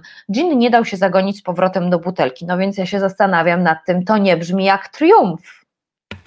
Nie ma się z czego cieszyć. 1% Joe to będzie hashtag popularny przez kolejne 4 lata. 1% Joe. To jest prawda. To, to, to, może nie jest taki triumf e, jak e, Busha z Gorem o 500 głosów na Florydzie, które trzeba było przeliczać, no ale te przeliczenia nadal będą. Myślę, że najbliższe dni albo nawet tygodnie będą cały czas ciekawe. Ja szczerze mówiąc myślałem, że sobie odpocznę dość szybko po tych wyborach. Okazało się, że nie. Trzeba dalej jeszcze miesiąc e, przedłużyć w pewnym sensie te e, e, wybory, bo one w pewnym sensie no cały czas jakby trwają, nie? W sensie no są te gratulacje i tak dalej. Wiesz, Al Gore też otrzymywał gratulacje. Wystarczyło 30 dni, żeby przeliczyć Florydę, a w tej chwili mamy dopiero tydzień no to może się toczyć i toczyć. Szczerze mówiąc, małe szanse widzę, żeby coś się miało zmienić, ale gdzieś tam nadal jest te 70 e, milionów wyborców, które prawdopodobnie uwierzyły, że są jakieś machlojki wyborcze, które nadal będą gdzieś za tym Trumpem. Nie wiem, kogo Partia Republikańska wybierze, ale Partia Republikańska w tych wyborach, bo trzeba pamiętać, były także wybory do Izby i do Senatu. W Senacie prawdopodobnie większość cały czas utrzymają, niewielką, ale utrzymają a w Izbie Reprezentantów zdobyli nawet więcej głosów. Powiem więcej, stracili na niebiesko w prezydenckich Arizony i rzeczywiście jest ta napływ tej niebieskiej fali z Kalifornii, strony Arizony, e, oczywiście Nowy Meksyk, no i Teksas, prawdopodobnie za 4 lata Teksas już będzie głosował na, e, niebiesko, bo sam ten Cruz miał mocne, mocne problemy z wygraniem z Beto O'Rourke w Teksasie, e, to muszę wspomnieć o tym, że w Kalifornii w tym roku wygrał jeden z republikanów do Izby Reprezentantów. My mówimy o niebieskiej Kalifornii. Także te zmiany demograficzne w Stanach Zjednoczonych są. Donald Trump rzeczywiście jest rekordowym republikaninem, który zdobył mniej, głosy mniejszości to nie jest dużo, to nie jest spektakularnie dużo, tak jak demokraci, no ale to jest zawsze te 7 czy nawet więcej procent, e, rekordowo e, dużo i tam było widać te Latino for Trump e, i e, Black Community czy Afro-American for Trump, także no są to bardzo ciekawe czasy. No to zobaczymy, co się będzie działo. No jeszcze, do którego czekamy na oficjalne wyniki? 14 grudnia zbiera się kolegium elektorów w, w, każdym ze stanów, aby zagłosować i oddać swoje głosy, potem wysłać do, do, do Waszyngtonu e, podsumowanie. E, I generalnie do tego czasu mają. Do tego czasu czas mają sądy, masło maślane, ale do tego czasu mają e, sądy czas, żeby, żeby ogarnąć tę sytuację. Pozwy już ruszyły od wczoraj, od poniedziałku, minął tydzień. Mhm. Druga runda trwa. No tak, druga runda trwa. No więc zobaczymy, jak to będzie. Mikołaju, bardzo, bardzo Ci dziękuję za to spotkanie. E, myślę, że to dla nas było też bardzo dość takie ciekawe, bo ja to na przykład nie jestem jakaś super e, Trumpowa, e, ale bawi mnie ten człowiek, ale bawi mnie ten człowiek. Ja to lubię sobie go tabloidowo. Ja nie For mam żadnej, wiesz, ja nie mam niestety żadnej czapeczki ani ani maseczki tutaj z kandydatem i nawet bym nie chciała mieć i uf, uf, uf. Niemniej, e, niemniej bardzo Ci dziękujemy. Wydaje mi się, że to było dla nas bardzo też ciekawe z innego punktu widzenia. E, no i tak, jeżeli chcą Państwo podglądać Mikołaja, e, to serdecznie Już zapraszam. światło na czerwone. na razie masz fiolet. To serdecznie. Państwa zapraszam na kanał Niepoprawny Dyplomata na Facebooku, na YouTubie, e, na Instagramie się trochę inaczej nazywasz, prawda? E, bardzo podobnie, to jest Wądrek Wąski, tak jak, tak jak, tak jak się przedstawiał, Mikołaj Wąski Teperek, e, także zapraszam. Także, także odsyłam Państwa, bo naprawdę są bardzo ciekawe i można się zderzyć z wieloma. Tutaj Mikołaj już, już, już jest na czerwono. Ja się z Państwem jeszcze natomiast nie żegnam. Natomiast już za moment będziemy na łączach z Anią Sulińską i poopowiadamy sobie o kobietach w sporcie, o dyskryminacji i o fantastycznej książce, którą serdecznie polecam, Olimpijki, wydawnictwo Czarne 2020, ale to już za moment. Mikołaju, jeszcze raz bardzo, bardzo dziękuję. Pięknie dziękuję. Do zobaczenia w przyszłości w Nowej Ameryce. Do zobaczenia, Do zobaczenia w przyszłości w Nowej Ameryce. Czy takiej świetnej zobaczymy. E, tak, ja się z Państwem jeszcze nie żegnam. E, zostawiam Państwa na chwilę. Zostawiam Państwa na chwilę. Cały czas przypominam, że mamy uruchomiony telefon, więc 698 28 6411. On jest do Państwa dyspozycji. Niech Państwo o tym pamiętają. E, widzę tutaj po czacie na Facebooku i na YouTubie, że są zdania bardzo podzielone. E, chociaż skłaniające się bardziej ku jednej stronie, że już tak reasumując, e, Biden to tam coś tam i że w sumie spoko, a Trump to idiota. No więc jakby jak już jesteśmy w takim klimacie, to ja myślę, że jeżeli ktoś e, chciałby zobaczyć, jak można na przykład chwalić Trumpa, to z drugiej strony zupełnie inaczej na niego spojrzeć, to proszę podsyłać po prostu te transmisje swoim znajomym, może coś ciekawego też z niej wyciągnął. Ja zawsze wychodzę z założenia, że musimy patrzeć na dwie różne strony. E, no bo tak wypada, no dla własnego zdrowia psychicznego i żeby nie zwariować i żeby cały czas nie mówić jedno i jak niektórzy lubią mówić, żebyśmy nie byli, nie stawali się wyznawcami, e, to naprawdę lepiej się mierzyć z tym, co nam się nie podoba czasami tak jest po prostu zdrowiej.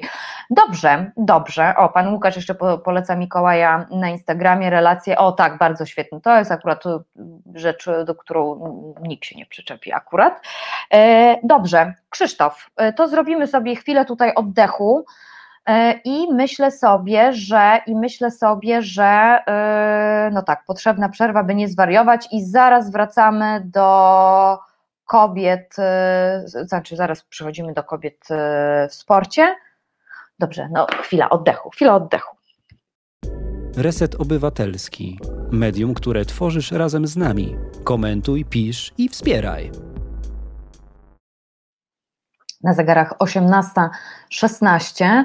E, tutaj Państwo, podczytuję jeszcze sobie Państwa wiadomości. Małpiak pisze, to ja w zagranicznych klimatach polecam dział zagraniczny na YouTubie, ja polecam dział zagraniczny na Facebooku, na Spotify'u, e, na Instagramie również, jeżeli są Państwo ciekawi, co się dzieje w innych.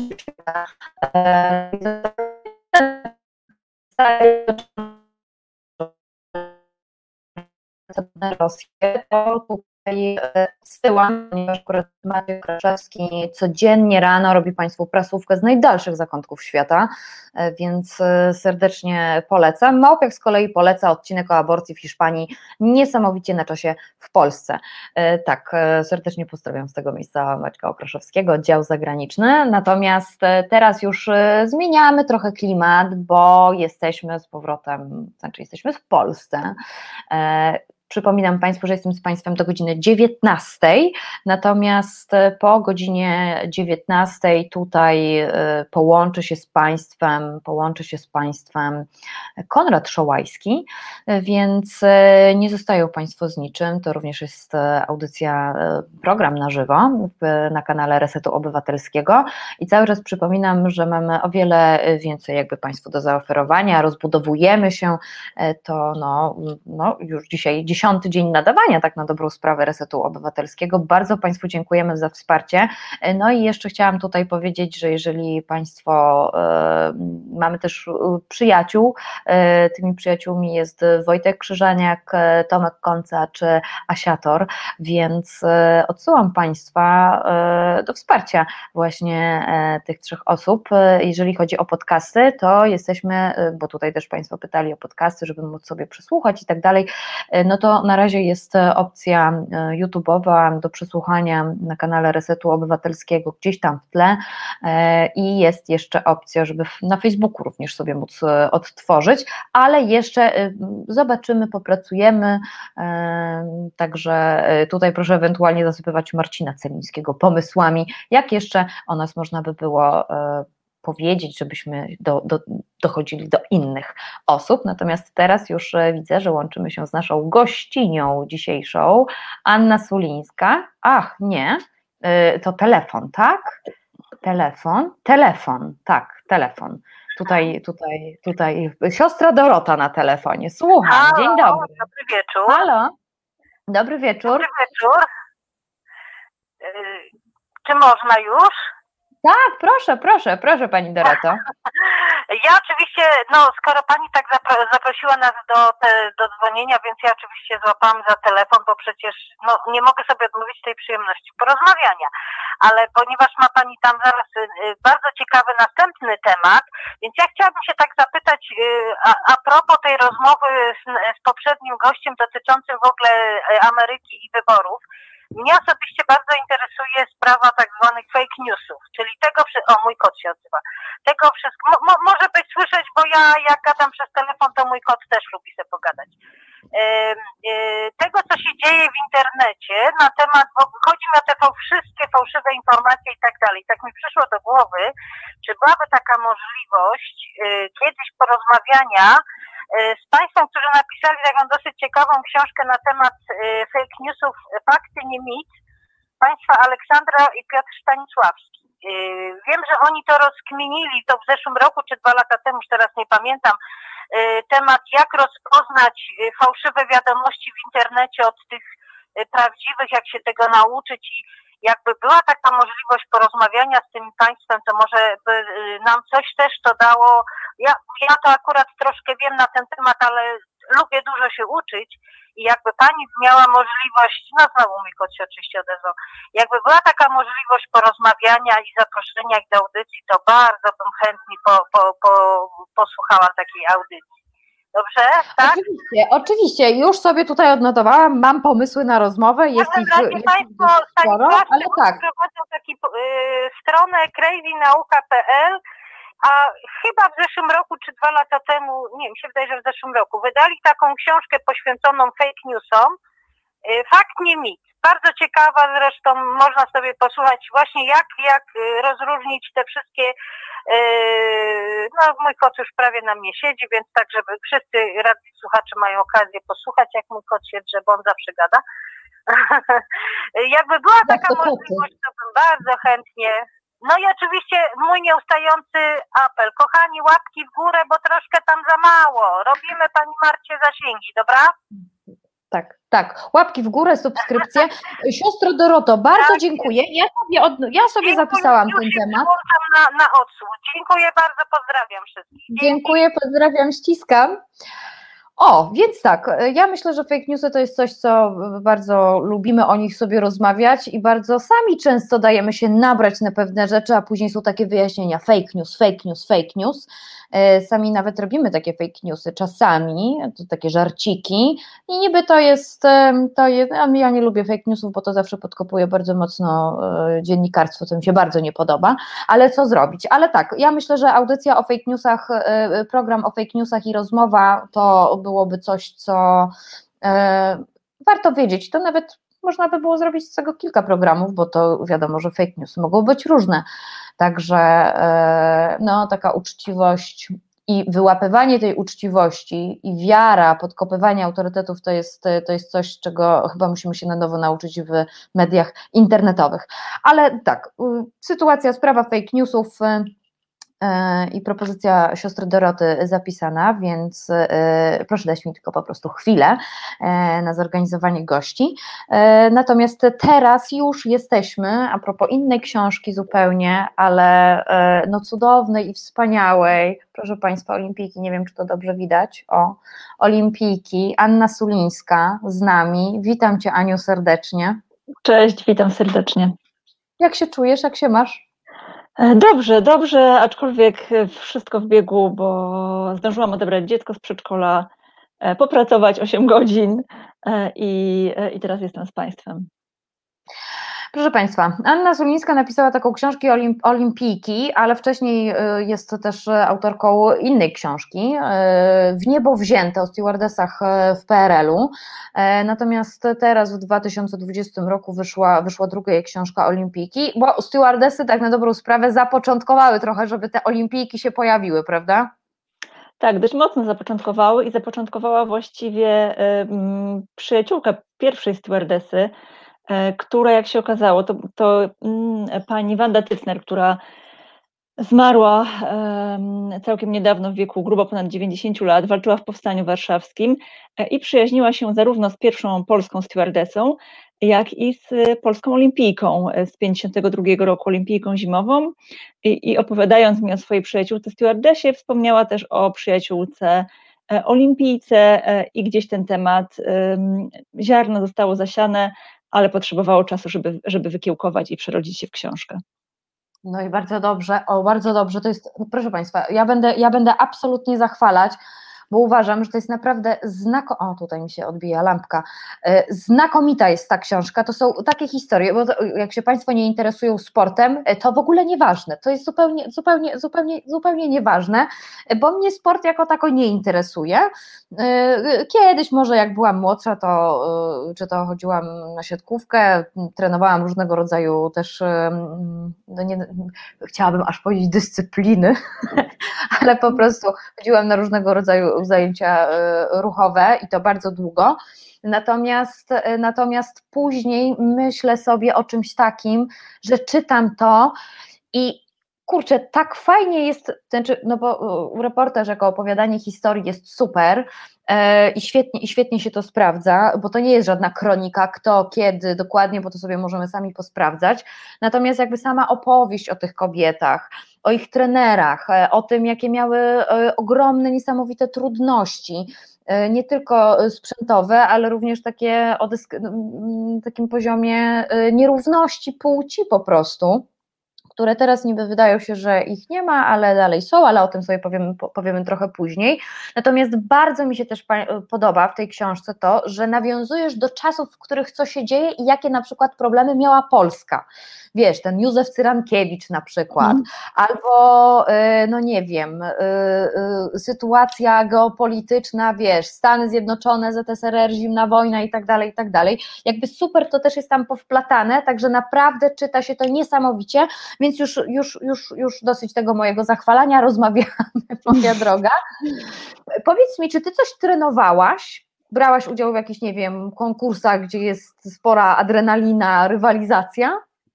Wiesz co, e, chyba miałam podobnie jak ty, to znaczy ja w ogóle e, to też, e, żeby powiedzieć, że to nie jest książka dla sportowców, ja się sportem absolutnie nie interesowałam, nie oglądałam, nadal nie oglądam. Mm, kiedyś oglądałam piłkę nożną z, z rodzicami, z braćmi i piłka nożna to był w zasadzie jedyny sport, który do pewnego czasu amatorsko sobie grałam w piłkę nożną, bardzo to lubiłam, ale bardzo wyraźnie odczułam, jak wiek stawia ci barierę. To znaczy, w momencie, kiedy już jesteś nastolatką i chłopacy trochę nie do końca chcą z tobą grać, no bo jednak są silniejsi i to ich kopnięcie, ta piłka leci szybciej. E, no i takie dziewczyny to za bardzo nikt nie chce wybierać do drużyny, a dziewczyny mają inne zainteresowania. I kiedy nie ma tej, tej grupy, z którą można tą pasję, bo myślę, że to, to była swego rodzaju pasja do piłki nożnej dzielić, no to ten sport u mnie odszedł zupełnie, zupełnie w zapomnienie. Potem gdzieś tą piłkę oglądałam, ale znów rozmawiając z kolegami o meczach, no czułam, że nie traktują mnie poważnie tak do końca, więc y, w taki naturalny sposób ta, to zainteresowanie y, u mnie wygasło. A powiedz, czy na przykład jednak doświadczenie jakieś e, na boisku, właśnie jakieś emocje towarzyszące ci, czy pomagało ci to w pisaniu książki? Wiesz co, y, może zaskakujące będzie to, co powiem, ale ja pracując nad tą książką, Oczywiście ten sport mnie interesował i to, jak wyglądało życie sportowe, ale takie pytanie, które, z którym ja gdzieś jechałam do bohaterek, to, to było bardziej, um, dotyczyło bardziej tego, jak ich życie się zmieniło w momencie, kiedy one ten sport skończyły trenować e, i skąd wiedziały, że już przestać, że to już koniec, e, że mm, czy jeszcze nie miały takiego poczucia, że kurczę, no może jeszcze jedne igrzyska, albo może jeszcze jedne zawody e, i no i właśnie, skąd wiadomo, skąd wiadomo kiedy, kiedy dość i czy to jest medal, czy, czy, czy ten medal tak naprawdę niczego nie przesądza?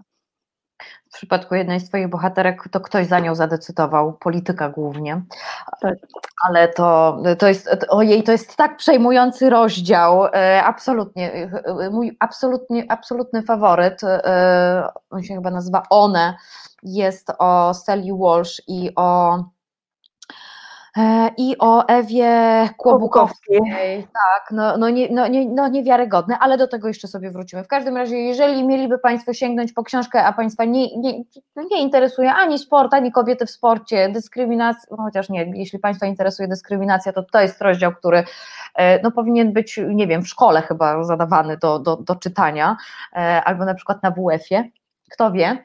E, w każdym razie tak, ja się, ja się zaczęłam zastanawiać nad czymś takim, no bo to już jakiś czas temu, no, polskie media, portale zachwycały się wręcz do no, do nieprzytomności Igą Świątek. Wcześniej to była na przykład y, Maja Włoszczowska, siostry Radwańskie, Justyna Kowalczyk, Anita Włodarczyk i tak dalej, i tak dalej, i tak dalej. I moglibyśmy tutaj trochę wymieniać, y, ale wydaje mi się, że nie w nieskończoność.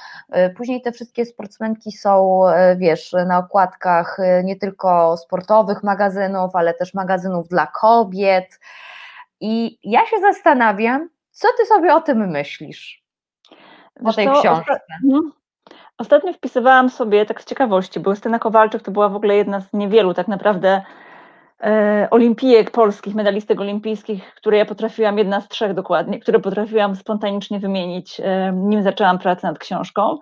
I gdy wpisałam sobie ostatnio w wyszukiwarkę Justyna Kowalczyk, to hasła, które mi wyskoczyły, to był ślub Justyny Kowalczyk, Justyna Kowalczyk wzięła ślub, Justyna Kowalczyk wreszcie znalazła miłość, Justyna Kowalczyk znalazła szczęście, e, e, Justyna Kowalczyk o depresji, rodzinie i sporcie. Więc takie pokazywanie, no bo trochę mam poczucie, że czasami to jest takie pokazywanie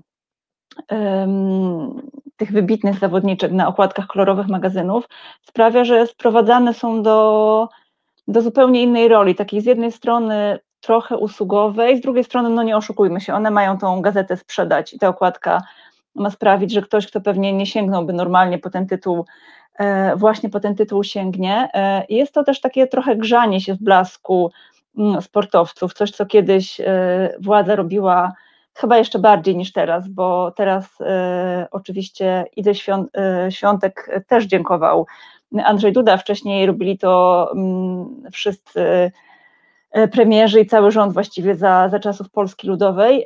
No ale pytanie, co to zmienia? To znaczy, czy to, że wcześniej siostry Radwańskie, teraz Iga Świątek mm, są na tych okładkach, czy to przekłada się w jakikolwiek sposób na infrastrukturę sportową? Czy to coś otwiera, czy to otwiera jakieś drzwi, czy wyrównuje szanse? No wydaje mi się, że nie, że nadal za bardzo nie ma gdzie trenować. Ostatnio jedna z, e, z państw medalistek, pani Urszula Kielan, srebrna medalistka w skoków z wyż z 1980 roku, e, mówiła, że hobbystycznie trenuje, e, trenuje dzieci, które chcą skakać wzwyż. No i w tych dzieciach jest duża pasja do tego sportu, natomiast one absolutnie nie mają gdzie trenować, bo skoczni i rozbiegów na salach gimnastycznych w zasadzie nie ma, a takich obiektów pozaszkolnych ani dla dzieci, ani dla dorosłych e, też w Polsce e, nie ma. To też czytając Twoją książkę, no, nad niektórymi rzeczami to aż musiałam, wiesz, przeczytać trzy razy, bo aż nie wierzyłam. Chodzi mi między innymi na przykład o profesjonalny tor do jazdy szybkiej na lodzie, który powstał dopiero w 2017 roku. No to to jest dla mnie szokujące. Tak, uwierz mi, że korekta i redakcja kazała mi to trzy razy sprawdzać i podesłać link do tej wiadomości, bo było to, e, no trudno było w to uwierzyć tak naprawdę. Mhm. Ale wróćmy do jakby do, do sportsmenek, bo zastanawiam się, czy bohaterki Twojej książki e, były znane w swoim czasie, czy one występowały też, no bo wiadomo, były, były różnego rodzaju gazety sportowe, ale czy one też występowały w innych magazynach? Dziś powiedzielibyśmy, że właśnie były, czy, czy były celebrytkami, bo ja mam takie wrażenie też, że ty, że, że przywracasz y, o nich pamięć, y, one święciły triumfy, e, a teraz myślę, że jeżeli mamy fana sportu po drugiej stronie albo fankę sportu, y, to możliwe, że nie kojarzą, że akurat one były, e, bo się zastanawiam, wiesz, nad czymś takim, masz idola, masz idolkę, trenujesz jakiś sport i nie wiem, no kiedyś to tak było, że się wyklejało plakatami pokój, prawda? I się mm. zastanawiam, czy na przykład, wiesz, e, czy na przykład e, e, czy na przykład Daniela Walkowiak. Tak, czy Daniela na przykład Daniela Walkowiak, kajakarka jest, może być w czyimś pokoju na ścianie, no. Wiesz co, ja się też nad tym zastanawiałam i nawet rozmawiałam e, z Luizą Złotkowską, e, którą e, medalistką olimpijską, taką powiedzmy, że z, bardzo współczesną i pytałam ją panią Helenę Pilejczyk, czy to był dla niej jakikolwiek wzór, czy ona kiedyś o niej ciepło myślała i powiedziała, że absolutnie nie. Absolutnie w ten sposób nigdy nie myślała. Co więcej, Ostatnio pani Urszula Kielan, z którą rozmawiałam, przyznała, że ona nie zna wszystkich, y, to jest y, olimpijka, medalistka olimpijska z 80 roku, ona nie zna tych wszystkich nazwisk też, które pojawiły się w książce. Więc to jest smutne, że no, tych kobiet naprawdę, które zdobyły medale jest no, niewiele, jest garstka i one same siebie nie do końca znają. Y, spotykają się raz w roku od jakiegoś czasu na piknikach olimpijskich, natomiast nie ma żadnej takiej inicjatywy żeby, żeby gdzieś ta taka, mm, taka też historia i taka, może nie tyle wiedza i doświadczenie, ale taka pamięć była przekazywana kolejnym pokoleniom. Zastanawiałam się, przyznam, że tego nie sprawdzałam, jak to wygląda na przykład w szkołach sportowych, o kim się mówi w szkołach sportowych, czy tam bardziej wielbi się, no właśnie, jakieś wielkie nazwisko, e, ikonę e, Irenę Szewińską, a pozostałe bohaterki są zupełnie nieznane, Mm, no, może, może ktoś ogląda, kto, kto chodzi do szkoły sportowej i mógłby nam tutaj podpowiedzieć, jak to wygląda. O tak, bardzo chętnie i przypominam Państwu, że jeżeli może na przykład czytali Państwo olimpijki, coś się Państwu podobało albo nie podobało na przykład, albo o kimś zapomniała Anna Sulińska e, ważnym e, napisać, to cały czas przypominam e, numer tutaj, jak się można z nami połączyć, 698 286 411, również dla ułatwienia tutaj mają Państwo taki pasek na dole, w którym jest informacja o tym numerze telefonu. E, natomiast, natomiast tak, ja się zastanawiam też e, nad czymś takim. Mm, czy kiedy pisałaś olimpijki, myślałaś o tym, no wiesz, no jednak, jednak te no, no, no, to medalistki olimpijskie, czempionki, jakby wszystko powinno być, że wow, wow, wow, tutaj jesteśmy, tutaj jesteśmy najlepsi, najfantastyczniejsi, e, chociaż w, no, czasach, kiedy to się działo, no to tak, no na przykład e, e, biegaczki ze Stanami Zjednoczonymi, no to wiadomo, prześcignęłyśmy, prześcignęłyśmy Amerykanki, my Polki, my Polska, Amerykę, znaczy no, Stany Zjednoczone, e, zawsze mnie to bawi akurat w sporcie, to taka rywalizacja na kraje, ale ja się zastanawiam, czy kiedy pisałaś olimpijki, to na przykład myślałaś o tym, że w sporcie jest tak wielka niesprawiedliwość? Absolutnie nie. Mm, nie miałam kompletnie, aż kompletnie nie miałam takiej świadomości e, i pewne informacje, które, do których dotarłam, e, jakby, które znalazłam, kiedy zaczęłam pracować nad książką, chociażby o tym, jak wyglądała weryfikacja płci w latach 60., to też było coś, w co ja absolutnie nie uwierzyłam. E, przeczytałam to robiąc research po prostu w internecie i no w internecie mogę, a propos fake newsów, o których, o których wspominałaś przed naszą rozmową, można znaleźć absolutnie wszystko, więc podeszłam do tego z bardzo dużą rezerwą, tym bardziej, że tych wiadomości o tym, e, że kobiety po prostu w latach 60.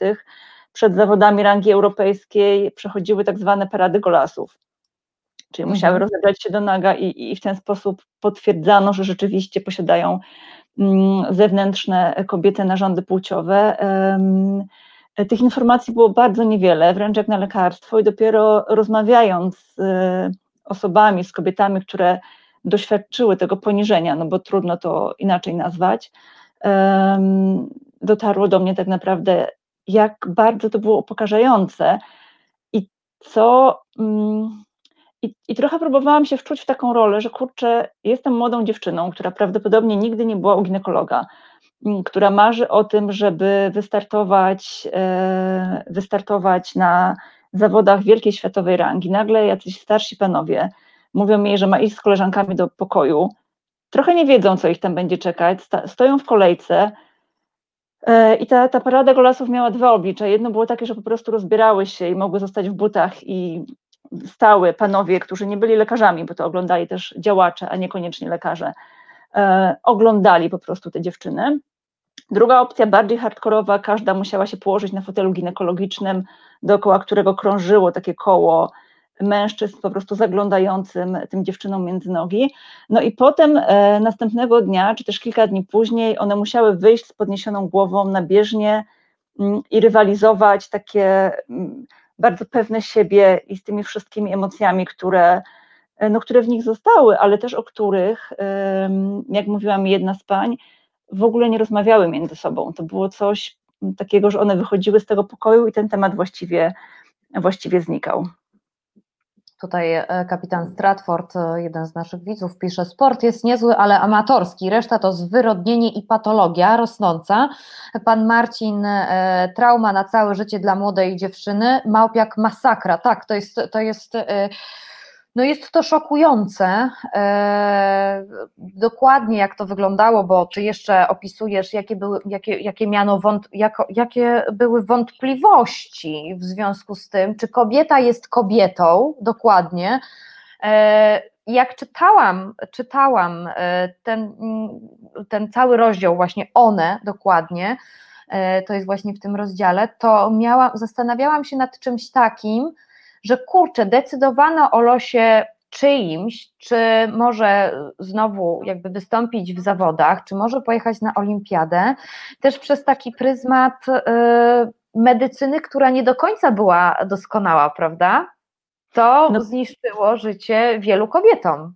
Tak, to zniszczyło życie wielu kobietom i to co ciekawe, e, IAAF, czyli Międzynarodowe Stowarzyszenie Federacji Lekkoatletycznych, przyznało i MKOL przyznał w latach 90., że ten sposób weryfikacji płci, on e, no, nie miał podstaw naukowych. On tak naprawdę dawał wyniki fałszywie pozytywne lub fałszywie negatywne, mm, więc o niczym nie przesądzał. I to, że no właśnie Ewa Kłobukowska została zdyskwalifikowana, uznano, że to jest, e, że skoro udało się zdyskwalifikować zawodniczkę, czyli osiągnięto efekt, wykluczono kogoś kto zgodnie z założeniami tego testu nie jest w pełni kobietą. I już tutaj to był taki ukłon w stronę kobiet, że uwaga, teraz nie musimy robić e, parad golasów, teraz mamy e, humanitarny, czy też bardziej humanitarny sposób testowania, będziemy zawodniczką pobierać wymaz z wnętrza policzka i, no i moje bohaterki po prostu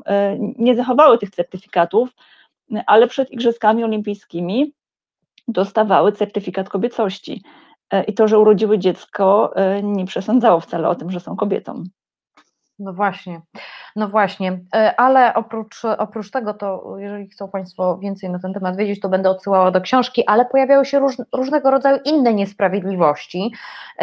Jedną, jedną z takich niesprawiedliwości a propos tak zwanej słabej płci, E, tak zwanej słabej płci, to e, na przykład okropna była sytuacja z Danielą Walkowiak. Czy mogłabyś ją opowiedzieć, bo jest to e, no, takie ewidentne, ja nie wiem, czy to była jakaś taki, nie wiem, rodzaj męskiej zazdrości, czy że co, że kobieta w kajaku, jakby, jak, jak ty sobie to tłumaczysz właściwie? Mhm. Opowiedzmy historię i później tak. jak sobie to tłumaczysz. Okej, okay, to zacznijmy od historii.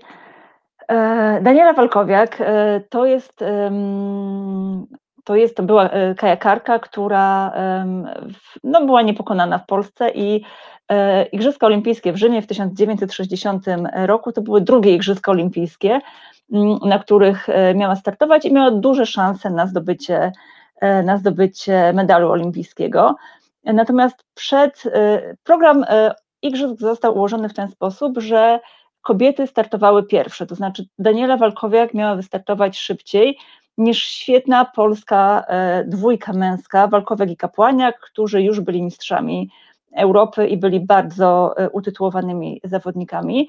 Te zawody rozgrywały się tego samego dnia, dzieliło je około 40 minut, więc było wiadomo, że jeśli Daniela Walkowiak wygra, to ona zdobędzie pierwszy medal w historii polskiego kajakarstwa. E, no i e, okazało się, że e, w chwili wyjazdu na tor kajakowy, który był oddalony około 50 km od wioski olimpijskiej, Autobus z zawodnikami pojechał, a Daniela Walkowiak i partnerka, z którą miała płynąć w dwójce też w drugiej konkurencji kajakowej, zostały w pokoju. Nikt po nie nie przyszedł, mimo że wcześniej pytały i otrzymały taką wyraźną instrukcję, że mają sobie odpoczywać, siedzieć, czytać e, i po prostu w odpowiedniej chwili ktoś e, się do nich zgłosi i powie, gdzie trzeba pójść i kiedy na te zawody autobus odjedzie. E, natomiast no, pani Daniela jest osobą bardzo taką żywiołową, bardzo zaradną i, i w chwili, kiedy zorientowała się, że coś jest nie tak, po prostu wybiegła i zorganizowała sobie autostop którym na ten tor dojechała, w, niemalże w ostatniej chwili e, wsiadła do, do kajaku e, i wywalczyła, wywalczyła brązowy medal, czyli pierwszy medal w historii polskiego kajakarstwa, o którym przez lata, przez, no, myślę, że jeszcze do całkiem niedawna, mówiono, że to jest pierwszy medal dla kobiecego polskiego kajakarstwa. Mm, I ten przymiotnik kobiecy miał na celu no, taką, mm, miał na celu zdeprecjonować po prostu ten, ten sukces, no bo pierwszy medal e, dla polskiego kajakarstwa bez przymiotnika już męskiego na przykład zdobyli, zdobyła dwójka, dwójka kajakowa. Natomiast ta historia, myślę, że to, to sprawdziłam sobie to nawet wczoraj, jak wygląda hasło Daniela Walkowiak w Wikipedii i tutaj po prostu poczułam taki, takie ciepło, które mi się rozlało na sercu, bo 20 września do Wikipedii została dodana informacja jako chyba drugie zdanie, że to pani Daniela jest pierwszą, mm, pierwszy, że, to pani Daniela zdobyła pierwszy medal dla polskiego, dla polskiego kajakarstwa, więc no, tak sobie tłumaczę, że to może trochę zasługa, zasługa książki.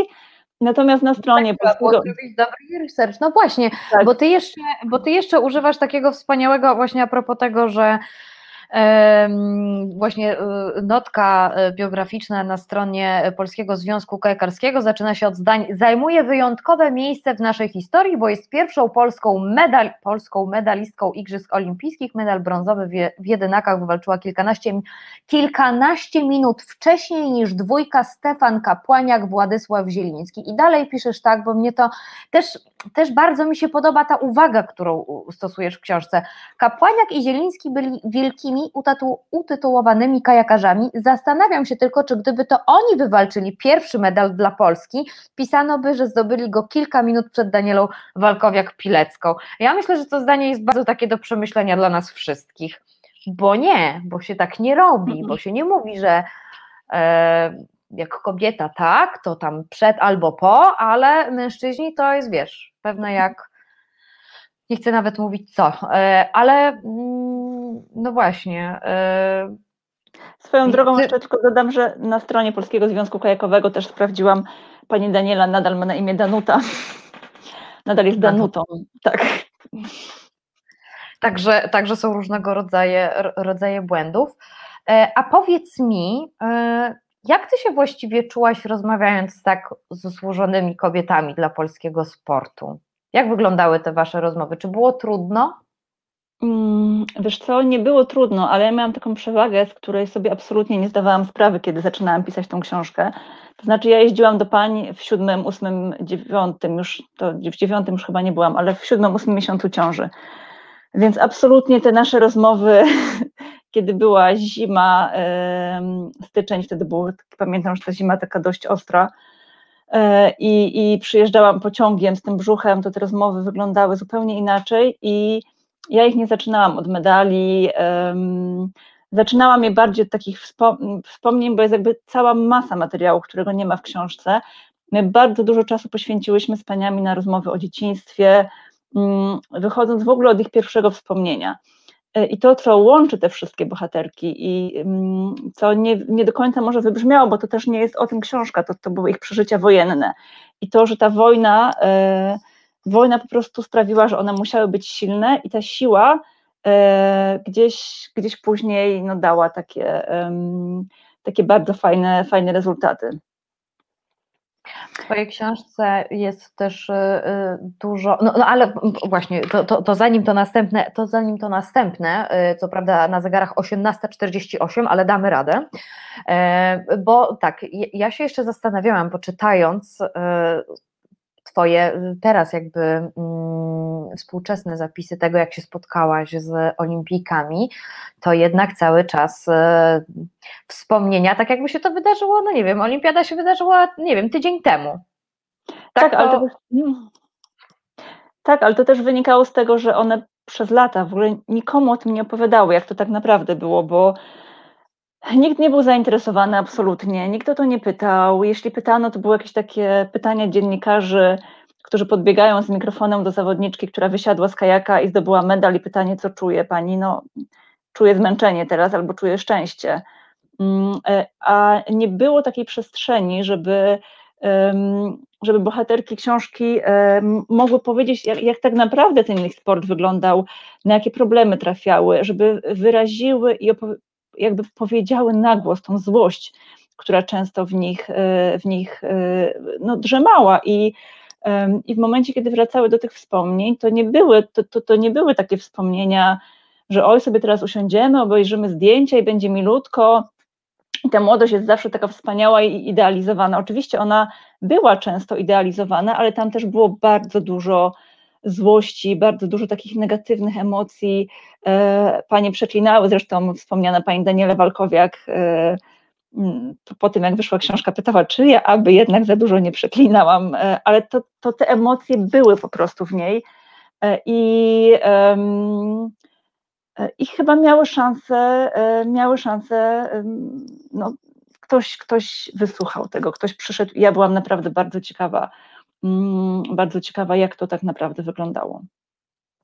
A czy e, kiedy z nimi rozmawiałaś, to y, też na przykład podkreślały to, że w jakiś sposób, nie wiem, czuły się dyskryminowane albo dopiero po latach do nich coś przyszło? Hmm. Ja myślę tutaj, że mogłybyśmy pokazać, znaczy Krzysztof mógłby, który realizuje program, pokazać dwa zdjęcia.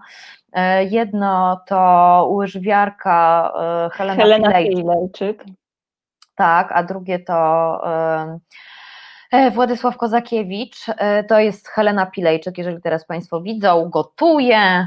Po zdobyciu medalu olimpijskiego. Tak, e, zaprasowano. Tak, to jest po, po, po, po zdobyciu e, medalu. E, natomiast opowiedz coś nam o tym zdjęciu może. To jest zdjęcie pani Helena pokazując mi zdjęcia, które robiła jej prasa.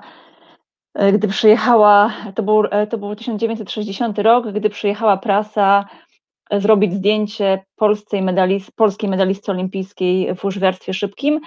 E, no oprócz takiego zdjęcia, które gdzieś tam pani Helena ma z łyżwami, z medalem, to powiedziano, że ona ma też mieć zdjęcie przy, takie, takie codzienne, takie codzienne, jak to, jak to kobiety, taka kobieta, codzienność, czyli najlepiej jakby to było przy kuchni, żeby coś gotowała, w jakiejś podomce. No, myślę, że mina pani Heleny tutaj na tym zdjęciu e, pokazuje, jaki ona ma stosunek do tego gotowania i do tego zdjęcia bo pani Helena, która dziś ma, e, za chwilę skończy 90 lat, nadal nienawidzi gotować i nie gotuje. Więc jest to absolutnie posowane zdjęcie, e, na które po prostu no, no była wściekła i pokazywała mi to zdjęcie w albumie na takiej zasadzie, że no, no niech pani zobaczy, do czego mnie zmuszano. Ja po prostu musiałam stanąć przy tym garnku i musiałam tą swoją rolę wypełnić i w tym garze tą łyżką zamieszać. A jest jeszcze drugie zdjęcie, które również w warunkach domowych, powiedzmy sobie, Władysław Kozakiewicz jest zupełnie inaczej pokazane.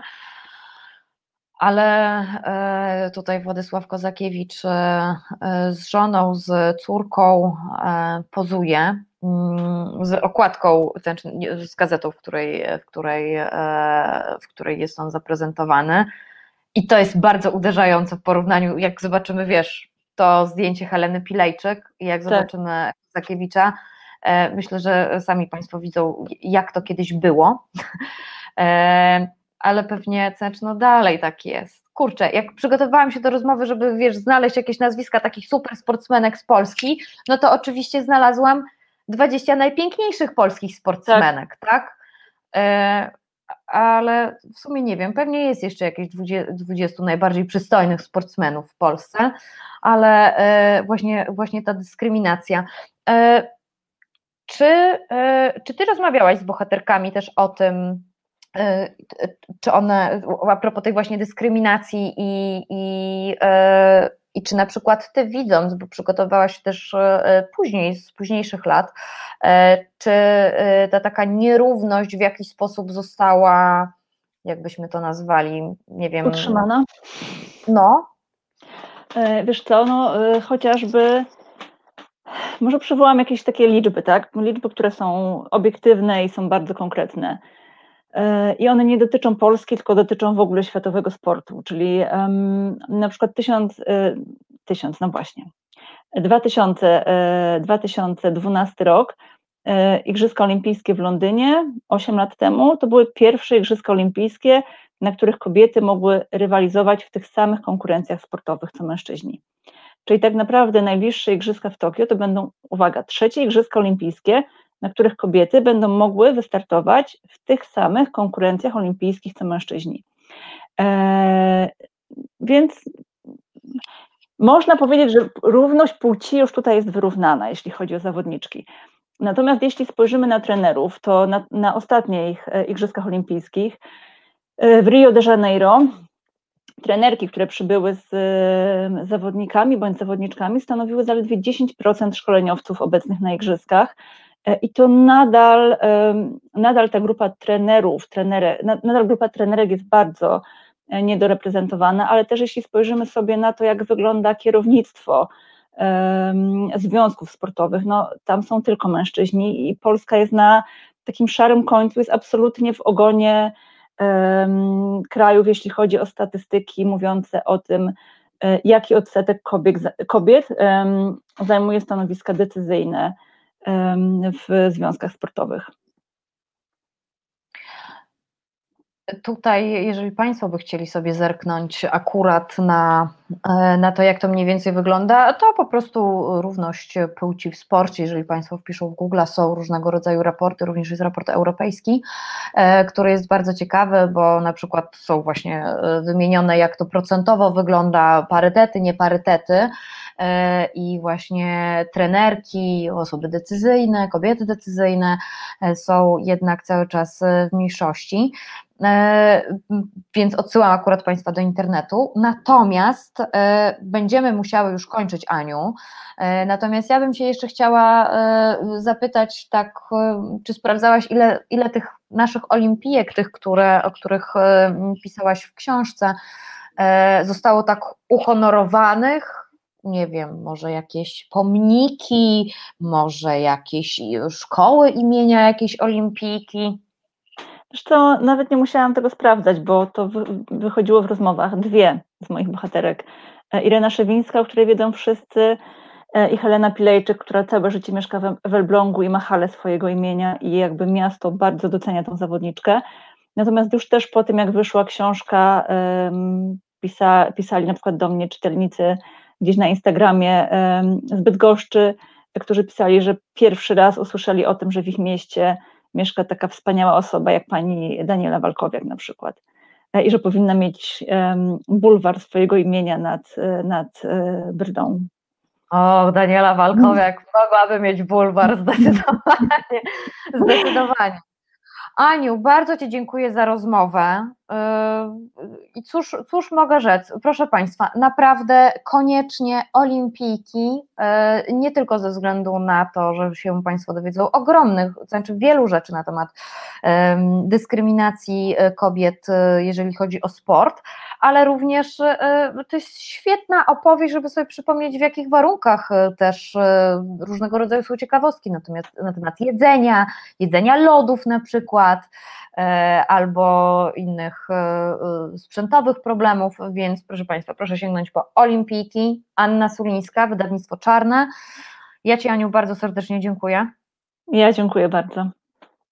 Natomiast e, ja również Państwu dziękuję i słyszę między 17 a 19 to był maszketnik 10 listopada 2020 roku, Reset Obywatelski. Zachęcam do wspierania, natomiast teraz już się z Państwem żegnam i zapraszam e, na program Konrada Szołajskiego na WSPAK. Dziękuję serdecznie, do usłyszenia, Marta Woźniak. Podobał Ci się ten program? Reset to medium obywatelskie, którego jedynymi sponsorami jesteście Wy, odbiorczynie i odbiorcy. Wesprzyj nas na zrzutka.pl i pomóż budować niezależne medium.